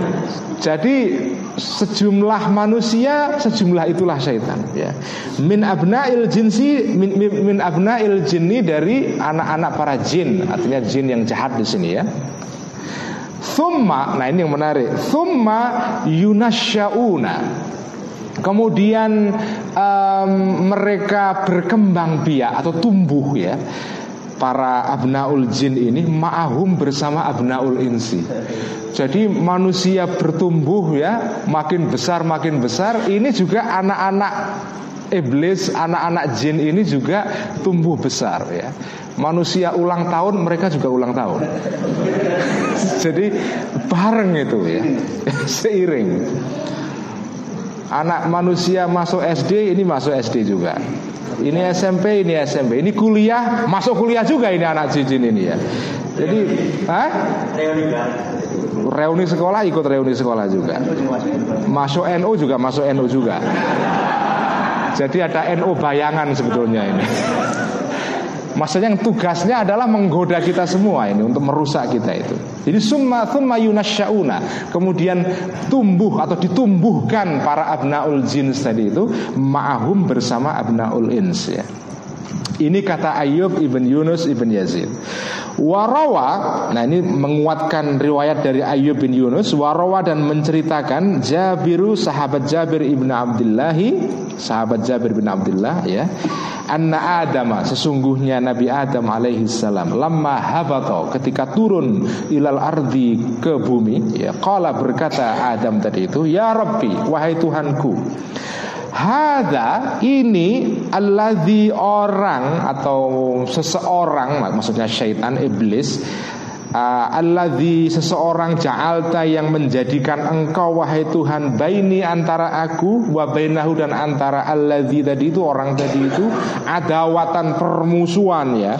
Orang yang kau jadikan musuhku ini wahai Tuhan ilam tu'inni jika tidak menolong engkau ini kepadaku alaihi terhadap alladzi tadi itu la aku tidak akan kuat aku alaihi kepada alladzi tadi itu ini kalau kamu tidak tolong aku wahai Tuhan Aku nggak kuat menghadapi syaitan ini Menghadapi musuhku yang luar biasa ini Kala Kemudian ini ini semacam keluhan Nabi Adam ketika turun dari surga ke bumi ya. Jadi beliau mengeluh Nabi Adam ini karena Nabi Adam ini perang melawan setan cuma perangnya ini asimetris ya. Apa? Gak seimbang. Eh, nggak nggak seimbang. Ini perang yang asimetris. Saya nggak kuat Tuhan kalau saya menghadapi sendirian. Ini keluhan Nabi Adam. Lalu dijawab oleh Tuhan Kala berkata Allah La yuladu tidak dilahirkan laka bagi engkau wahai Adam Waladun seorang anak Illa wukila Kecuali diserahkan, ditugaskan Bihi untuk menjaga anakmu tadi itu Malakun seorang malaikat ini semacam apa ya eh, motivasi buat Nabi Adam ya modal dia untuk nanti hidup di bumi. Oke, memang ada syaitan tetapi jangan sedih wahai Adam karena setiap anak yang lahir dari kamu ya itu akan disertai juga oleh satu malaikat. Kala berkata Nabi Adam masih belum merasa cukup dengan motivasi ini ya. Kala berkata Nabi Adam, ya Rabbi wahai Tuhanku zid tambahilah nih kepadaku. Kurang ini Tuhan, nggak cukup karena saya menghadapi musuh besar. Bisa nggak ditambah modal saya ini tidak sekedar hanya malaikat saja. Kala berkata berfirman Allah, Kata Allah Ajzi bisayyiati sayyiatan Ajzi membalas aku bisayyiati dengan apa? Dengan kejahatan Dengan sayyah Sesuatu yang jahat, buruk Sayyiatan kepada kejahatan. Jadi Sayyah satu, maksiat satu, kejahatan satu Saya balas dengan sayyah yang sama. Artinya kalau berbuat salah satu ya dosanya satu tetapi wabil hasanati dan apa itu membalas dengan kebaikan asron sepuluh ya uh, ilama ke, sampai kepada jumlah uri itu yang menghendaki aku. Tetapi jika engkau melakukan kebaikan satu maka aku balas sepuluh bahkan bisa lebih. Ini semacam apa motivasi dari Allah untuk Nabi Adam ketika beliau mengeluh karena menghadapi perang yang asimetris tadi itu. Ya. Jadi kalau kau lahir anak maka anak kamu akan disertai malaikat dan kalau ketika kau berbuat kebaikan satu dibalas sepuluh bahkan lebih. Tetapi kalau satu dosa ya cuma satu eh, balasannya. Kala masih kurang lagi Nabi Adam ya. Kala berkata Nabi Adam, Rabbi wahai Tuhanku zid tambahilah wahai Allah ni kepadaku. Kala berkata Allah, Babut taubati maftuhun Babut taubati pintunya taubat maftuhun terbuka Madama selama fil jasadi dalam jasad kamu Ar-ruhu ada ruh ya Selama kau masih punya ruh, punya nyawa, maka pintu taubat, pintu untuk kembali kepada kebenaran itu dibuka terus-menerus, tidak pernah ditutup. Inilah modal Nabi Adam menjalani kehidupan di bumi pasca dia di apa? Diusir dari surga karena melanggar perintah Tuhan. Jadi Nabi Adam ini ketika ini kayak orang mau pindah rumah baru kawin mau membangun rumah tangga kan agak takut-takut ya. Apa eh, khawatir galau. Nanti bagaimana bagaimana bagaimana. Nah Allah itu memberikan semacam semangat motivasi kepada Nabi Adam jangan khawatir. Kamu memang akan menghadapi kehidupan yang berat, perang yang berat dengan syaitan di bumi, tetapi kamu punya modal untuk melawan kekuatan-kekuatan jahat berupa syaitan itu. Tetapi jangan lupa iblis pun juga ketika diusir dari surga juga minta hal yang sama.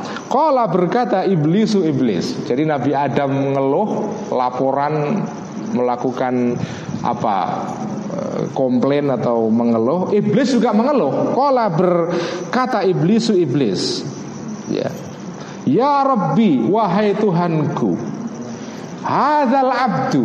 Hambamu ini nah, maksudnya Nabi Adam Alladzi yang karamta memuliakan engkau hu kepada alladzi kepada abdu tadi itu alayya terhadapku.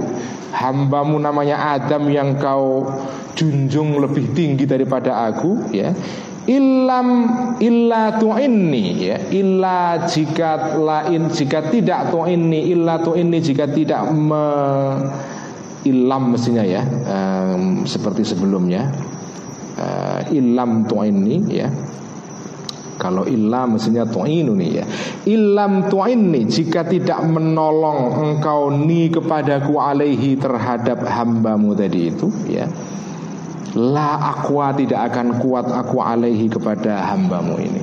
Jadi sama Nabi Adam mengeluh kepada Tuhan, iblis juga sama menyampaikan keluhan juga. Jadi kalau bahasa Jawanya ini sebetulnya sawang sinawang. Iblis menganggap Adam, Nabi Adam menganggap iblis itu tantangan ya. Tetapi iblis juga menganggap manusia itu tantangan juga itu ya. Jadi jangan dikira iblis itu apa ya menggoda manusia itu mudah. Artinya iblis itu juga menganggap menggoda manusia itu juga tantangan besar itu. Kalau Allah tidak menolong engkau, Allah tidak menolong aku wahai Tuhan, kamu saya tidak akan kuat untuk menggoda uh, Adam ini. Wow. Dan baiknya Allah itu iblis ngeluh juga ditolong itu ya. Iblis ngeluh pun minta bantuan ditolong juga ini kan. ya, bayangkan nih, iblis itu kurang apanya itu? Iblis minta tolong Tuhan, ditolong oleh Tuhan ini. Ngeluh kan? Beda dengan sekarang ini ya.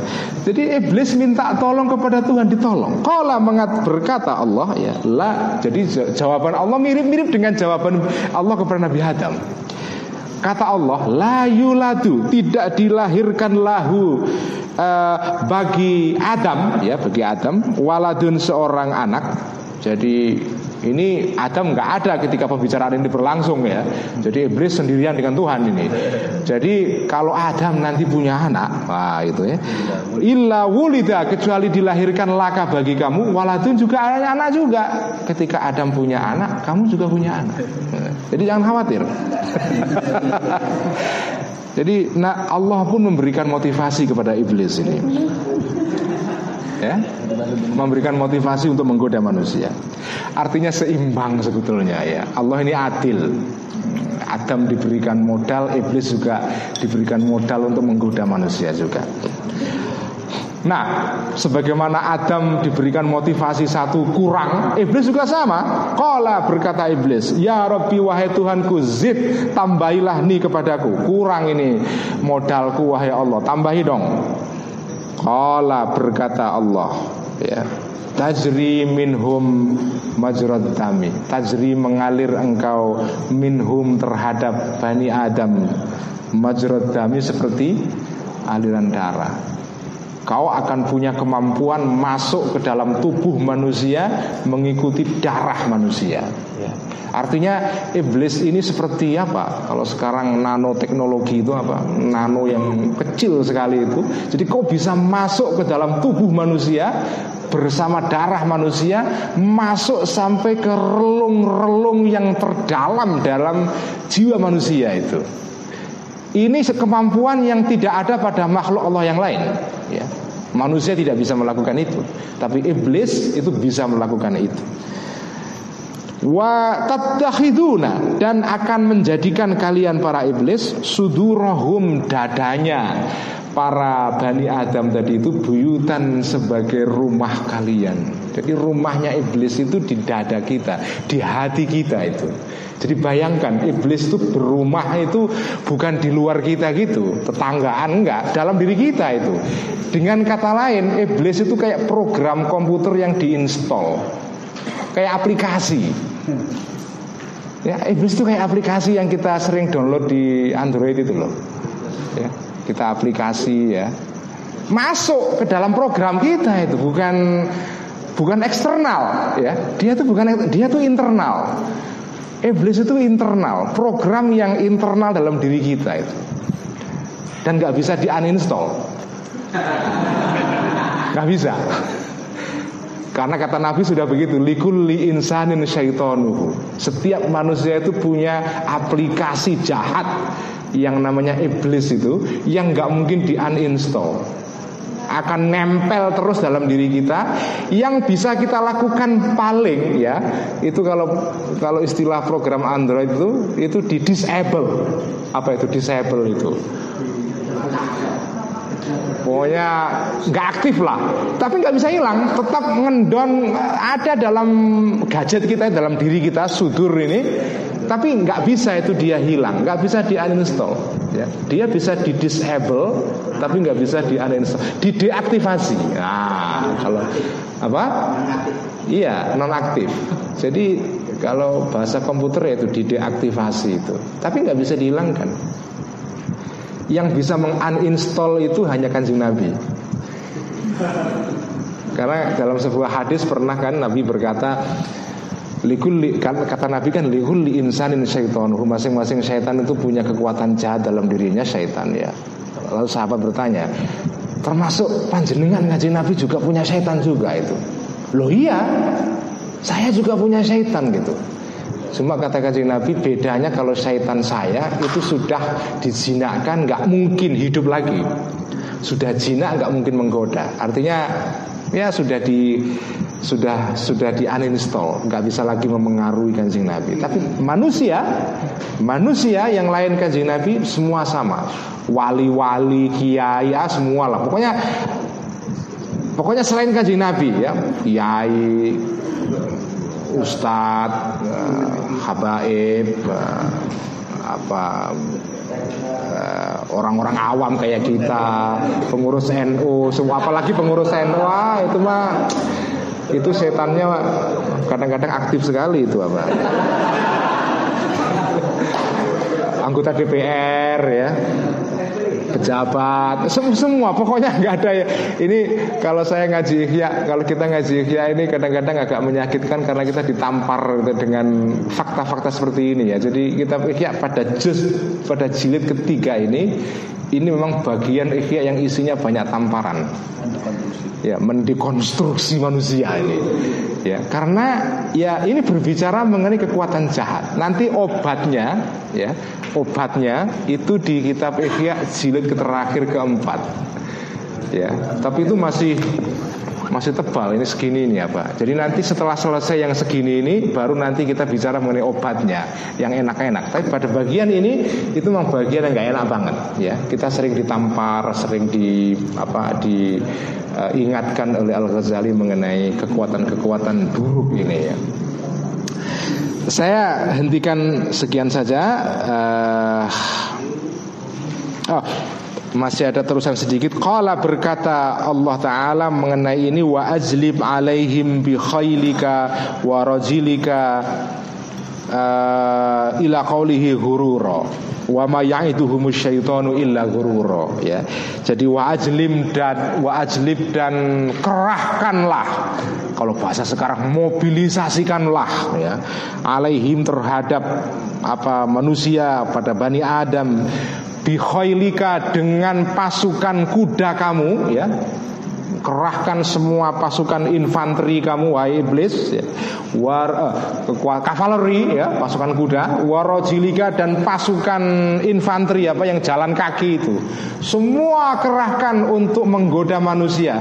Engkau saya berikan kebebasan. Itu ketika ini kan kisah mengenai ketika Nabi Adam diusir dari surga iblis juga diusir dan iblis sebelum diusir dari surga Beliau minta izin dulu kepada Tuhan Untuk melakukan penggodaan Kepada Bani Adam Dan Tuhan memberikan izin Tuhan memberikan izin penuh Diberikan lisensi oleh Allah untuk melakukan tindakan-tindakan yang bisa merusak manusia. Tapi ya tadi itu Allah itu adil. Adam diberikan modal, iblis juga diberikan modal. Jadi ya perangnya kira-kira tidak asimetris asimetris banget lah ya. Ada, seimbang gitu ya.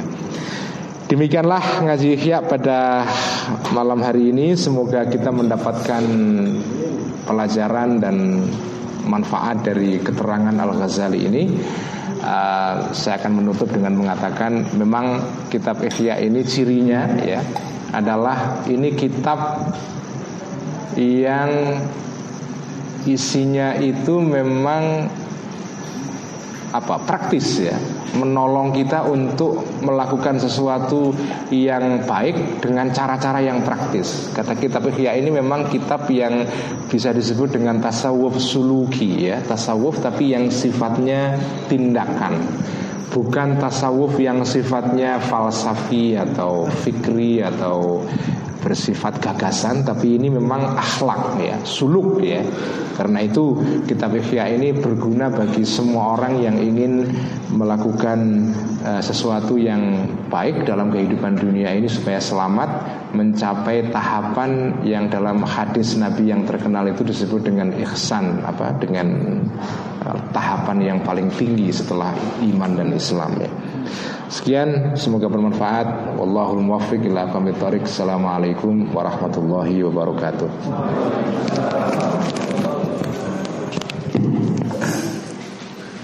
Alhamdulillah.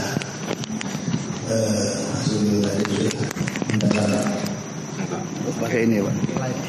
Saya tadi imam. Uh, saudara-saudara, tadi anak Pak Sulil, Pak Anas sudah telepon terus zaman diminta untuk ke sana di pendopo. Mungkin mau ngaji ya pribadi.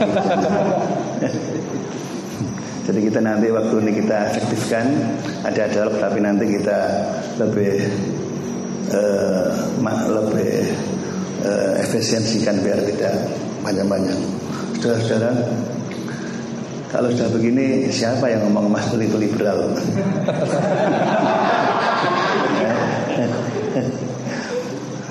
Siapa? Bukan bukan tobat, memang begini ini Mas Ulin. Ya. Jadi tadi bacaannya kitabnya secara tradisional sangat teliti mana yang baru munsorif.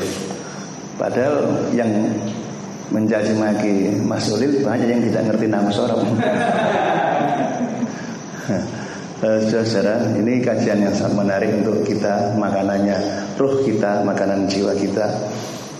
E, mungkin kita lebih ingin Mas menceritakan tentang Al Ghazali, kemudian hubungannya dengan Asyik Abdul Qadir Al Jilani, karena orang menganggap Asy'ab Qadir Al-Jilani ini lebih dulu daripada Imam Ghazali.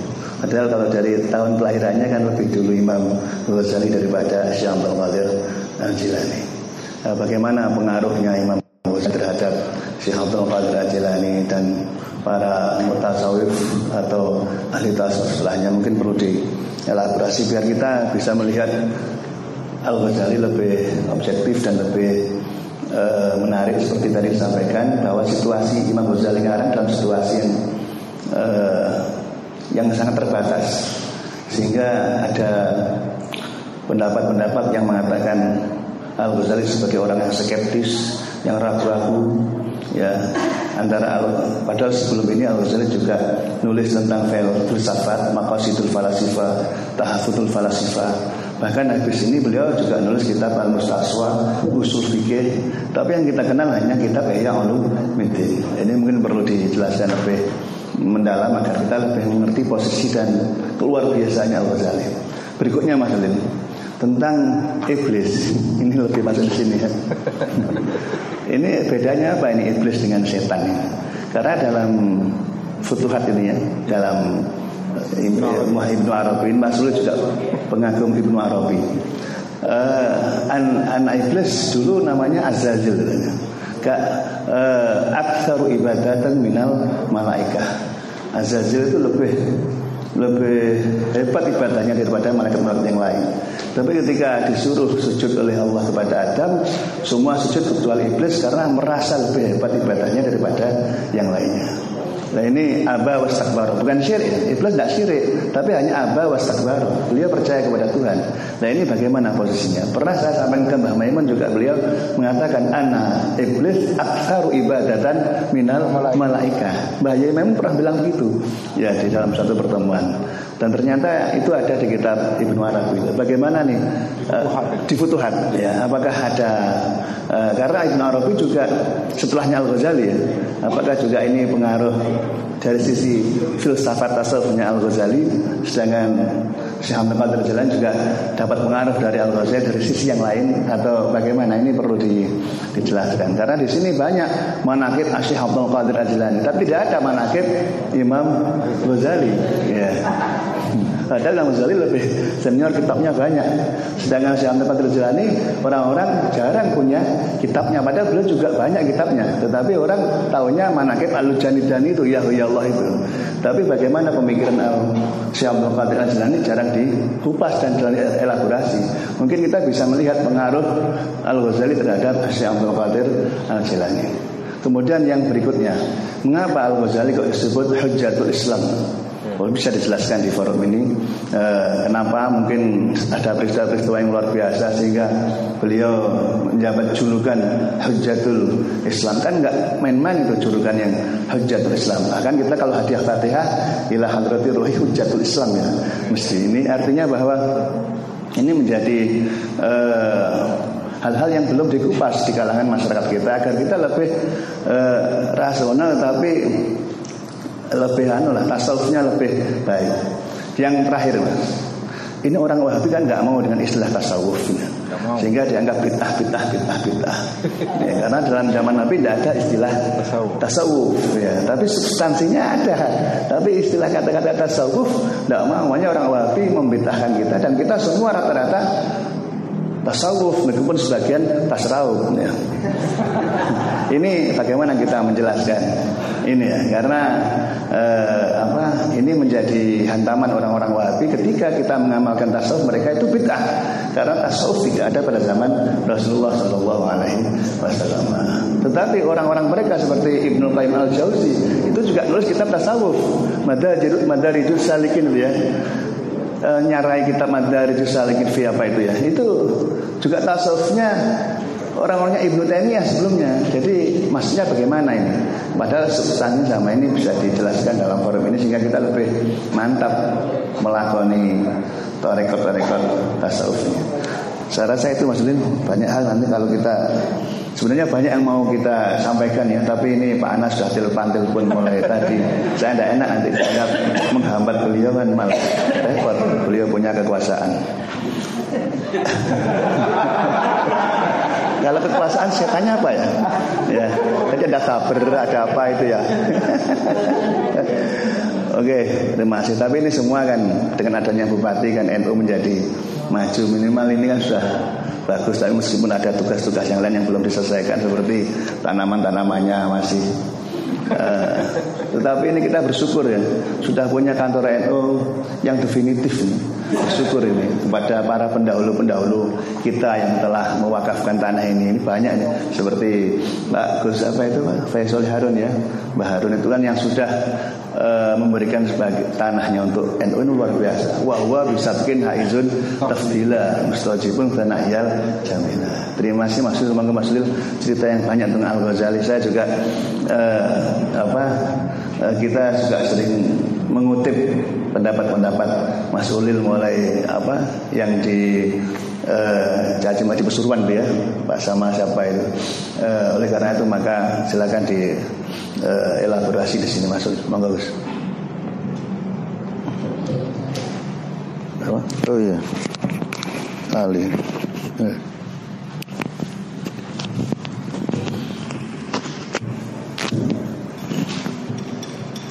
Uh, karena ditunggu Pak Bupati jadi kita nggak bisa lama-lama ini. Tapi gimana teman-teman ada yang mau tanya dulu atau uh, atau lanjut dulu ya? Ya ya. Baik. Uh, ini kisah di sekitar Imam Ghazali ini sebetulnya banyak sekali dan luar biasa. Imam Ghazali itu bagi saya ini imam yang yang kalau bahasa anak muda sekarang tuh keren banget. Karena hidupnya itu ada dramanya. Jarang para ulama itu yang hidupnya ada drama. Maksudnya drama itu ada naik turun ya. Ada pergolakan ada masa-masa ketika beliau ini mengalami semacam krisis spiritual kemudian melakukan uh, eksperimen apa baru dan kemudian berubah total dari seorang yang sosoknya A menjadi sosoknya B secara total sekali. Itu yang dialami oleh Imam Ghazali. Dan yang menarik sekali, beliau tidak sekedar mengalami itu, tapi menceritakan. Tidak banyak ulama itu yang menceritakan dirinya sendiri menulis semacam autobiografi ya.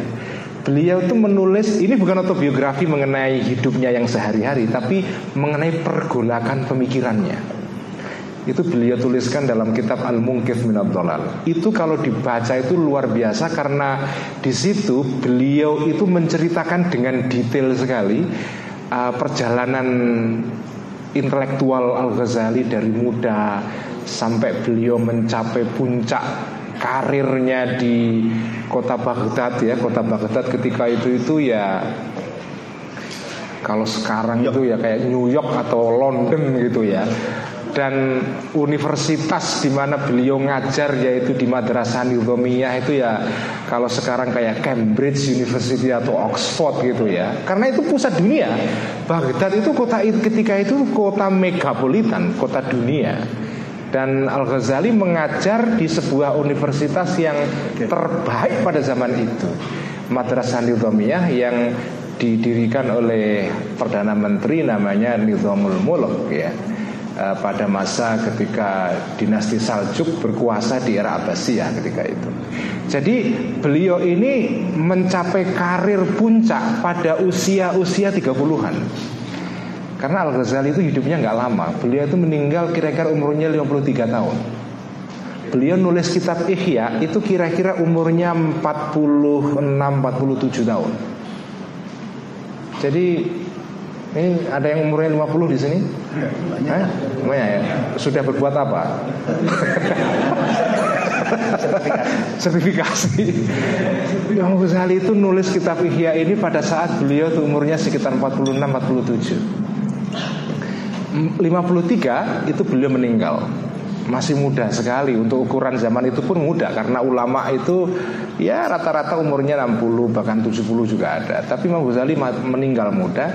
Tetapi walaupun beliau meninggal muda Meninggalkan karya yang luar biasa. Selain kitab Ihya ini merupakan kitab puncak beliau karena ditulis pada saat beliau di akhir hidupnya. Sebetulnya setelah kitab Ihya masih ada kitab yang beliau tulis yaitu namanya uh, Mishkatul Anwar.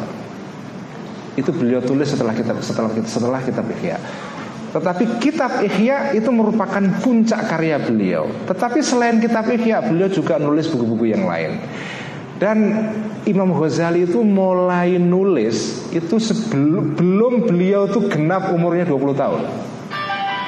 Jadi Imam Ghazali itu nulis kitab pertama kali dalam bidang usul fikih. Judulnya Al-Manhul min Ilmil Usul. Ya, Al-Manhul min Ilmil Usul itu buku beliau karang kira-kira umurnya 18 17 tahun lah. Ketika beliau masih menjadi santrinya Imam Juwaini Imam Haromen jadi itu semacam catatan kuliah beliau dari perkuliahan Imam Haromen Tetapi dia susun dengan begitu bagus Lalu jadilah kitab Al-Manhul.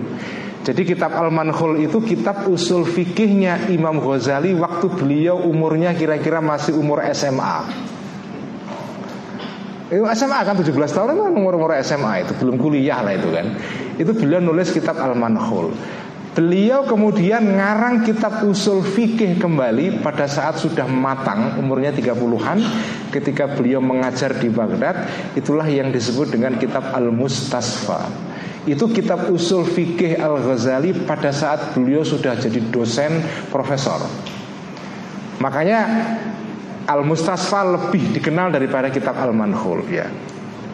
Nah, kenapa beliau disebut dengan Hujatul Islam? Ini ada hubungannya dengan uh, satu apa peristiwa.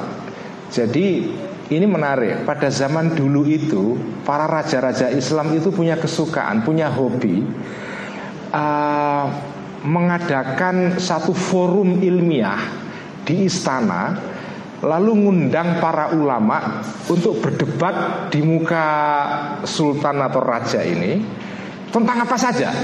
Jadi itu kayak hiburan. Jadi karena nggak ada TV ketika itu ya, nggak ada film, nggak ada bioskop. Jadi hiburannya para sultan itu ngundang para kiai disuruh datang ke istana berdebat di depan para khalifah itu. Dan yang menarik khalifahnya itu biasanya mereka tidak duduk di depan para ulama yang sedang berdebat ini. Beliau itu bersembunyi dari balik layar supaya mereka nggak ewoh pakai ewoh ketika berdebat bebas gitu. Jadi jadi sultannya itu duduk di satu ruangan terpisah dikasih tirai gitu, tapi dia mendengarkan perdebatan itu, tapi dia nggak hadir secara fisik kelihatan di antara para ulama ini. Nah, diundang para ulama dalam berbagai bidang untuk debat di situ. Nah, Al Ghazali itu pernah diundang di hadapan Nizamul Mulk dan beliau karena kemampuan hujahnya yang luar biasa mengalahkan semua ulama pada zaman itu karena beliau ini muridnya Imam Al-Juwaini Imam Juwaini itu dikenal juga sebagai ahli debat Al-Juwaini itu adalah ulama yang dikenal dengan kemampuan debatnya yang luar biasa sampai beliau nulis buku tentang tata cara berdebat. Ya. Ada itu ya, Kitabul Jadal namanya.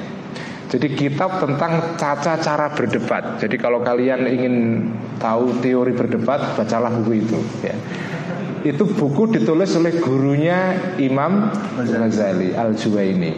Nah, sebagai muridnya Imam Al Juwaini Al Ghazali itu juga mewarisi keterampilan gurunya ini dalam berdebat. Bahkan gurunya itu sampai mengagumi muridnya Sampai Al-Haramain itu me, me, apa ya, pernah berkomentar Al-Ghazali itu adalah muridku Yang beliau sebut sebagai Bahrun Muhtik ya. Jadi seperti lautan yang dalam yang ombaknya itu bergelombang-gelombang karena ilmunya luar biasa dalam sehingga gurunya sendiri berkomentar Al-Ghazali Bahrun Muhtik ya. Itulah kenapa sebabnya Al-Ghazali disebut sebagai Hujatul Islam. Nah kenapa Imam Ghazali ini kok nggak ada manakibnya yang dibaca ya? Saya juga heran itu Gus. Saya baru ngeh malam ini nggak ada manakib Imam Ghazali itu ya.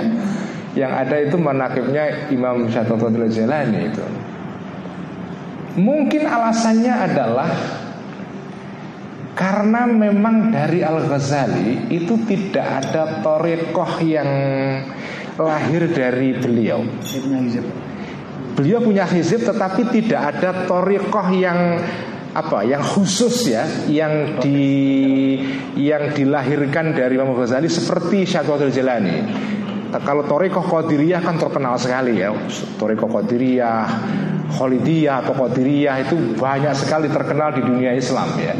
Tetapi Meskipun ada perdebatan di antara para ulama Apakah Al-Ghazali itu mengikuti, mengikuti torekoh tertentu atau tidak? Ada yang mengatakan iya, ada yang mengatakan tidak. Tapi yang jelas memang tidak ada torekoh eh, Torekoh yang langsung dilahirkan dari beliau Dan kemudian diikuti oleh murid-muridnya sampai sekarang Seperti torekoh Naqsyabandiyah, Qadiriyah eh, Dan yang lain-lain. Nah karena itu Imam Ghazali itu memang uniknya adalah meskipun tidak ada torikoh yang langsung lahir dari beliau, tetapi bukunya dibaca oleh semua pengikut torikoh. Jadi apa? Ikhya ini seperti melampaui semua tarekat-tarekat yang ada Karena semua torekoh, semua Orang yang ingin mendalami ilmu torekoh, ilmu tasawuf Semua harus baca kitab Ihya. Ini kitab yang dibaca oleh semua pengikut torekot ya. Kalau ya kitab hikam itu juga dibaca oleh apa semua uh, torekot Tapi lebih menonjol di kalangan torekot syaibiliyah misalnya. Tapi kalau kitab Ihya itu semua Torekoh membaca kitab-kitab ini. Jadi manfaat dari kitab Ihya ini sumambrah apa ya? Sumul. Sumul ya. Semuanya kena. Karena memang ya kitab Ihya ini luar biasa um, Menggabungkan antara ilmu syariat Ilmu hakikat dan ilmu ma'rifat ya Ilmu torekat, ilmu ma'rifat dan ilmu hakikat Jadi karena itu kitab Ihya ini memang syumul atau manfaatnya ke semua pengikut Toriko yang ada. Yang menarik buat saya adalah Jamiyah Nahdlatul Ulama di dalam ADART-nya dengan tegas menyebutkan bahwa dalam bidang Toriko atau tasawuf mengikuti dua imam besar. Yang pertama adalah siapa? Imam Junaid ya. Sayyidu Ta'ifah uh, julukannya Yang kedua adalah Imam Ghazali.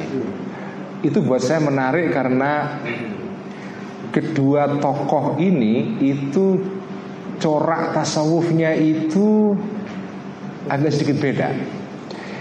Imam Junaid itu kalau kita baca karya-karyanya itu adalah lebih dekat ke tasawuf yang sifatnya adalah seperti tasawuf yang agak sedikit falsafi ya.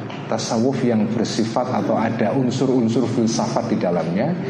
Sementara kalau kita baca kitab Al Ghazali terutama kitab Ihya ya itu atau ringkasannya kitab Ihya seperti Minhajul Abidin ya sorry Bidayatul Hidayah ya Bidayatul Hidayah atau Minhajul Abidin meskipun kitab Minhajul Abidin ini ada yang berbeda pendapat apakah ini kitab yang dikarang Al Ghazali langsung atau ini kitab yang dikarang orang lain tapi didakukan kepada Al Ghazali ada perbedaan di antara para sarjana mengenai hal ini. Tapi yang menarik kalau kita baca kitab Ihya itu tasawufnya adalah tasawuf yang bersifat suluki. Saya kadang-kadang bertanya-tanya, ini kenapa ya para masyayikh, para muassis Nahdlatul Ulama itu kok menjadikan dua imam ini sebagai kiblat dalam tasawuf? Apakah mereka-mereka itu sebetulnya ingin memberikan semacam pelajaran kepada kita para nadiin ya, para pengikut Nahdlatul Ulama supaya kita mempelajari dua jenis torekot ini, torekot yang bersifat atau tasawuf, tasawuf yang sifatnya falsafi seperti di dalam kitab-kitabnya Imam Junaid dan tasawuf yang sifatnya suluki seperti di dalam kitab Ihya. Nah, memang kitab Ihya ini jauh lebih populer daripada kitab-kitabnya Imam Junaid. Setahu saya di pesantren itu kitabnya Imam Junaid nggak ada yang dibaca itu, nggak ada. Misalnya kayak kita Risalah Fit Tauhid itu dalam yang terkenal sekali, itu nggak ada yang dibaca di pesantren. Karena memang kalau membaca buku-bukunya Imam Junaid itu susah. Susah sekali karena agak sedikit ada berbau filsafat memang. Sementara kalau kita baca kitab Ihya itu mudah sekali ya. Ada bagian-bagian Ihya yang susah juga ya, tetapi sebagian besar Ihya ini mudah difahami oleh orang awam. Itulah yang menyebabkan kenapa kitab Ihya ini begitu populer di dunia Islam.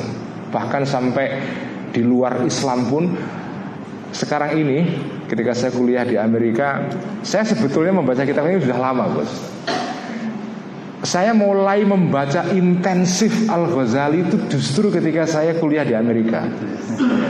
Um, meskipun saya baca kitabnya sejak di pesantren ya, tetapi saya mulai mengkaji dengan mendalam itu sejak saya di Amerika dan di dalam tradisi kesarjanaan di Barat.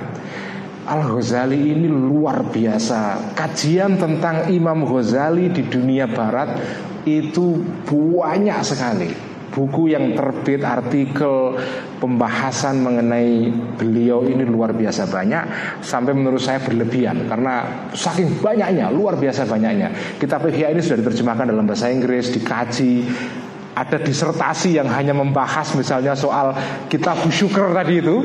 Itu ada disertasi yang khusus membahas tentang kitab asyukur di dalam kitab Ihya. Teori syukur di dalam kitab Ihya menurut Al-Ghazali itu ada. Jadi memang Al-Ghazali itu salah satu ulama dalam dunia Islam yang dikagumi di dunia Kristen.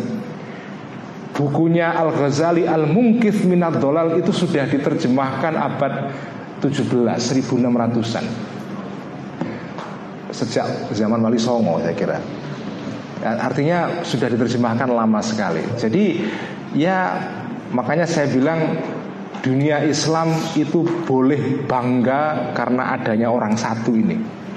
Maka beliau layak kalau disebut sebagai Hujatul Islam. Ya, satu-satunya ulama dalam sejarah Islam yang disebut dengan Hujatul Islam ya ya ini ada yang lain tapi nggak seterkenal Ghazali. Jadi ini hujatul Islam karena beliau ini menjadi kebanggaan eh, dunia Islam. Ah kalau ngomong beliau banyak banget nanti saya malah jadi ngelantur ke mana-mana. Tetapi saya kira cukup ini keterangan tentang Al Ghazali. Intinya kita bangga sebagai Muslim punya seorang panutan ulama seperti ini yang dikagumi bukan saja di dalam dunia Islam tapi juga di luar Islam di kalangan Kristen. Bahkan ada satu ulama Yahudi yang hidup tidak lama setelah Imam Ghazali di Spanyol yang nulis ringkasan kitab Ihya dalam bahasa Ibrani untuk orang-orang Yahudi. Jadi pengaruh kitab Ihya ini memang luar biasa. Bukan saja di kalangan muslim tapi juga di luar muslim. Ronggo Warsito ya bujangga besar Jawa terakhir itu itu kalau kita pelajari karya-karyanya itu banyak kita jumpai pengaruh dari kitab Ihya di dalamnya banyak karya-karya serat-serat dalam bahasa Jawa seperti serat serat Hidayat Jati misalnya yang pernah jadi uh, tema disertasinya Profesor Simuh di IAIN Yogyakarta dulu itu juga banyak dipengaruhi oleh kitab Ihya. Jadi kitab Ihya ini pengaruhnya luar biasa. Jadi kalau NU menjadikan ini sebagai kiblat di dalam tasawuf selain Imam Junaid itu bisa dimaklumi. Sekian, terima kasih. Wassalamualaikum warahmatullahi wabarakatuh. Allah betul-betul bersilaturahmi. Ya, kali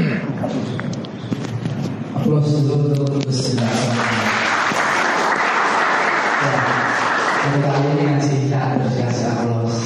Tapi sama sekali berbeda ketika saya dulu pesantren di Al-Kausar khusus waktu itu ya Muhammad Askandar beliau ngaji ya betul-betul kelihatan kita ini sangat usang sekali karena beliau membaca sampai akhir tidak ada penjelasan seperti ini saya kira ini sangat kontekstual selanjutnya Saking istimewanya kitab ini Bahkan kusyur Dari sekian banyak kitab Beliau selalu mengkaji kitab Al-Mustasfa Tadas Imam Muzali Sejak suatu sekali dulu ketika saya nanti di pesantren Cianjur saya kira kita kesampingkan dulu panggilan dari Bapak Bali karena dua artis silaturahmi itu bukan sunnah. Kalau itu bukan wajib. Sedangkan kesempurnaan dari umum ketika tidak dan punya maju juga seperti Mustafa ayatin bukan sujud nabi bahwa itu tadi Mustafa satu saja satu ya saja pertanyaan bisa yang lain oh Nah, kita. Nah, kita kan. ya silakan pakai. Maju pak, maju pak. Dan maju, maju. Sini bendi, bendi foto. Eh masuk TV.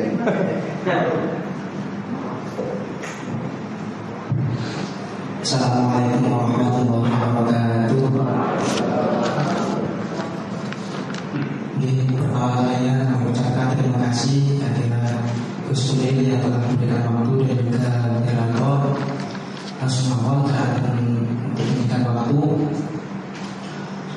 Yang saya tanyakan di sini mengenai Syaitan itu ada sangat menarik sekali mengenai keterangan setan. setan karena mungkin bukan sehariannya cukup kenal dengan namanya setan. Dan juga saya pernah mungkin keterangannya di sini juga ada di kitab Rasulullah Ibadah yang saya baca di situ.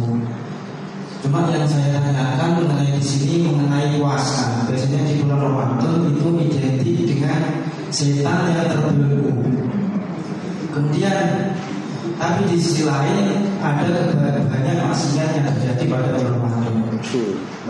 Itu pernah saya baca di waktu hari itu katanya memang seperti itu terbelenggu. Akan tetapi itu karena sudah sifat manusianya sudah mengakar. Karena mungkin selama sebelas bulan itu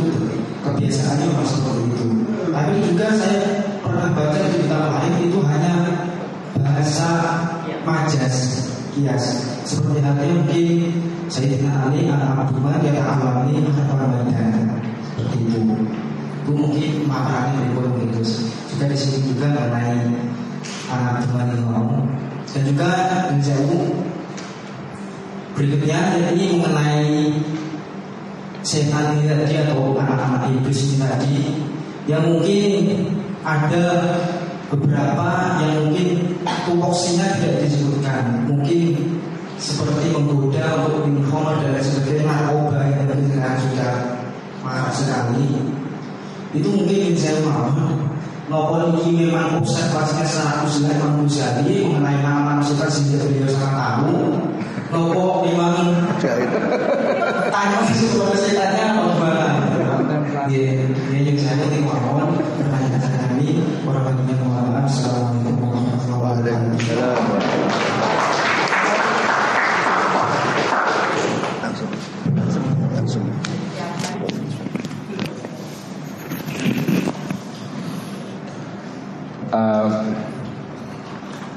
kenapa yang disebutkan kok hanya lima tadi ya, lima anak setan yang seolah-olah tupoksinya itu terbatas hanya lima pekerjaan tadi itu sementara perbuatan-perbuatan jahat yang dilakukan manusia itu kan makin berkembang kan. Apakah tidak ada evolusi dalam setan ini ya Pak? Apakah tidak ada evolusi di dalam iblis gitu ya? Uh, tentu saja ketika disebutkan lima itu bukan berarti bahwa di luar itu lalu tidak ada syaitan yang punya apa tugas-tugas lain untuk menggoda manusia melakukan hal-hal kejahatan lain di luar lima hal tadi itu. Seringkali kita menjumpai di dalam apa hadis-hadis Nabi atau bahkan dalam Quran sendiri ya disebutkannya satu jumlah itu kadang-kadang tidak um, apa membatasi jumlah pada jumlah yang disebutkan itu. Dengan kata lain kalau memakai artinya kalau disebutkan lima bukan berarti lalu di luar itu tidak ada iblis atau syaitan yang punya kemampuan menggoda manusia di luar lima pekerjaan ini. Jadi Ya lima ini sekitar contoh saja kira-kira begitu. Tidak bisa di mabhum mukholafah kalau bahasa usul fikihnya ya. Artinya kalau lima berarti di luar lima ini nggak ada. Apakah tidak ada syaitan yang tugasnya misalnya membuat orang melakukan kejahatan-kejahatan yang lain, korupsi misalnya. Ini kan nggak ada di pembunuhan, korupsi, eh, hal-hal yang banyak sekali ya. Eh, minum-minum atau uh, bergunjing atau melakukan apa permusuhan antar madhab karena Al Ghazali juga menyebutkan salah satu madakhilus syaitan pintu masuk syaitan merusak manusia itu adalah apa yang beliau sebut sebagai atawassul dengan shot.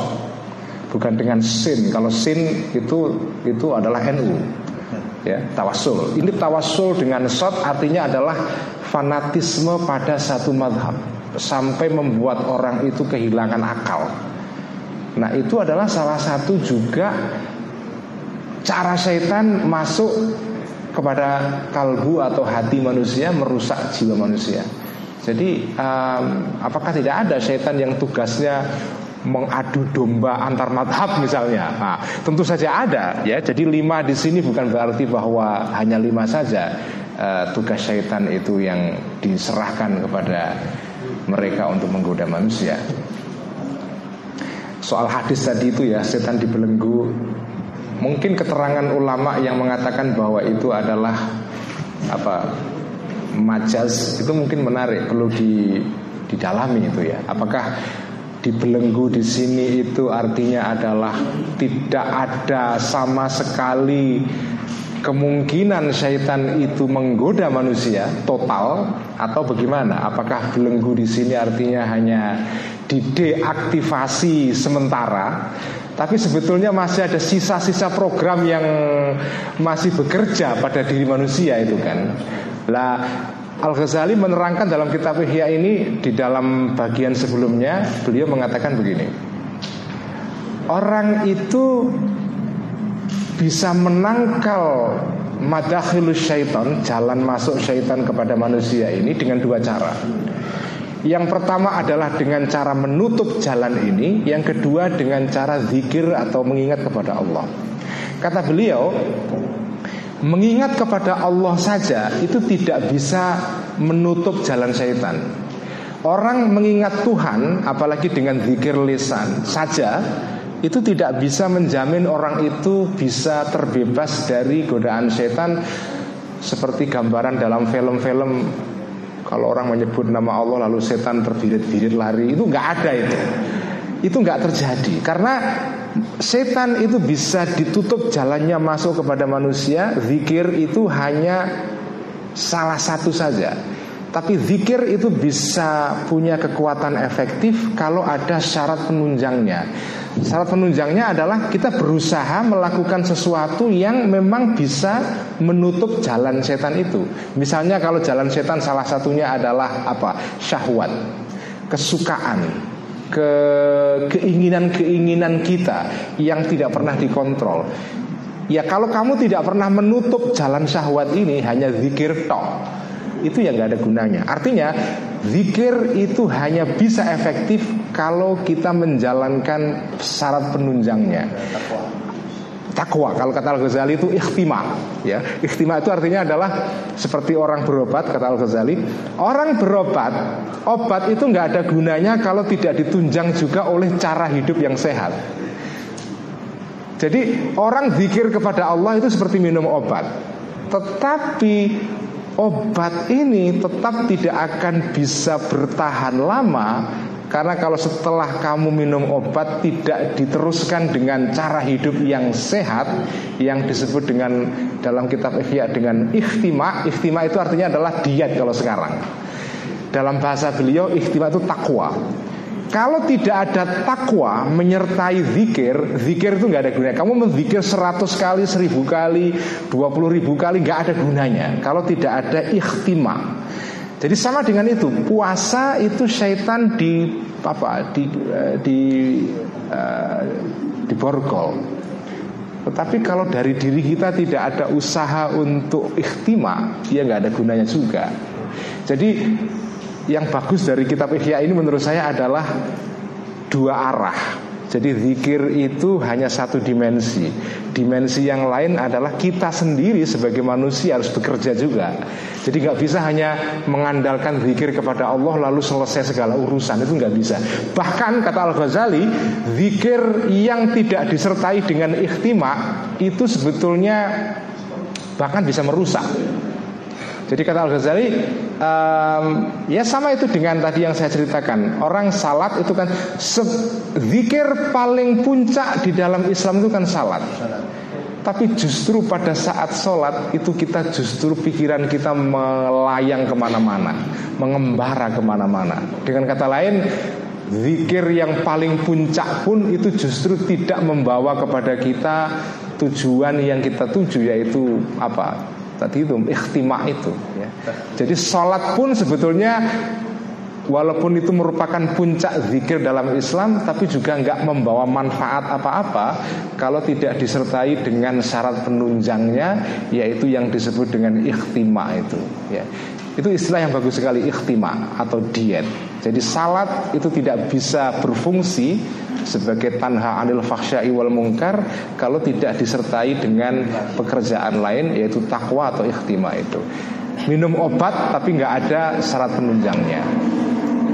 Saya kira itu saya sudah malam dan semoga pengajian ikhya malam ini bisa bermanfaat membawa berkah kepada kita semua. Uh, dan juga saya minta doa dari teman-teman semua supaya saya bisa istiqomah membaca kitab Ihya ini sampai selesai karena ini perjalanan panjang. Saya pernah ketemu dengan Kiai Hasan sekitar setengah bulan yang lalu ketika ngaji Ihya di Unisma. Beliau berkata, e, saya itu Mas Ulil ngaji Ihya itu sudah 38 tahun Non-stop sejak beliau belum umur 50 sampai sekarang ya uh, dan beliau membaca seminggu sekali juga seperti saya. Kalau saya membaca malam malam Jumat, beliau malam Kamis ya. Jadi apa? Itu beliau lakukan secara konsisten selama 38 tahun dan saya ingin seperti Kiai Tolha Hasan itu Insya Allah bisa baca kitab Ihya sampai selesai dan diulang lagi. Karena kitab Ihya itu kalau kita baca itu kadang-kadang ada sesuatu yang kata-kata ini kata Kietolha ini. Saya tanya apa yang membuat Kietolha tahan baca kitab Ihya sampai selama itu?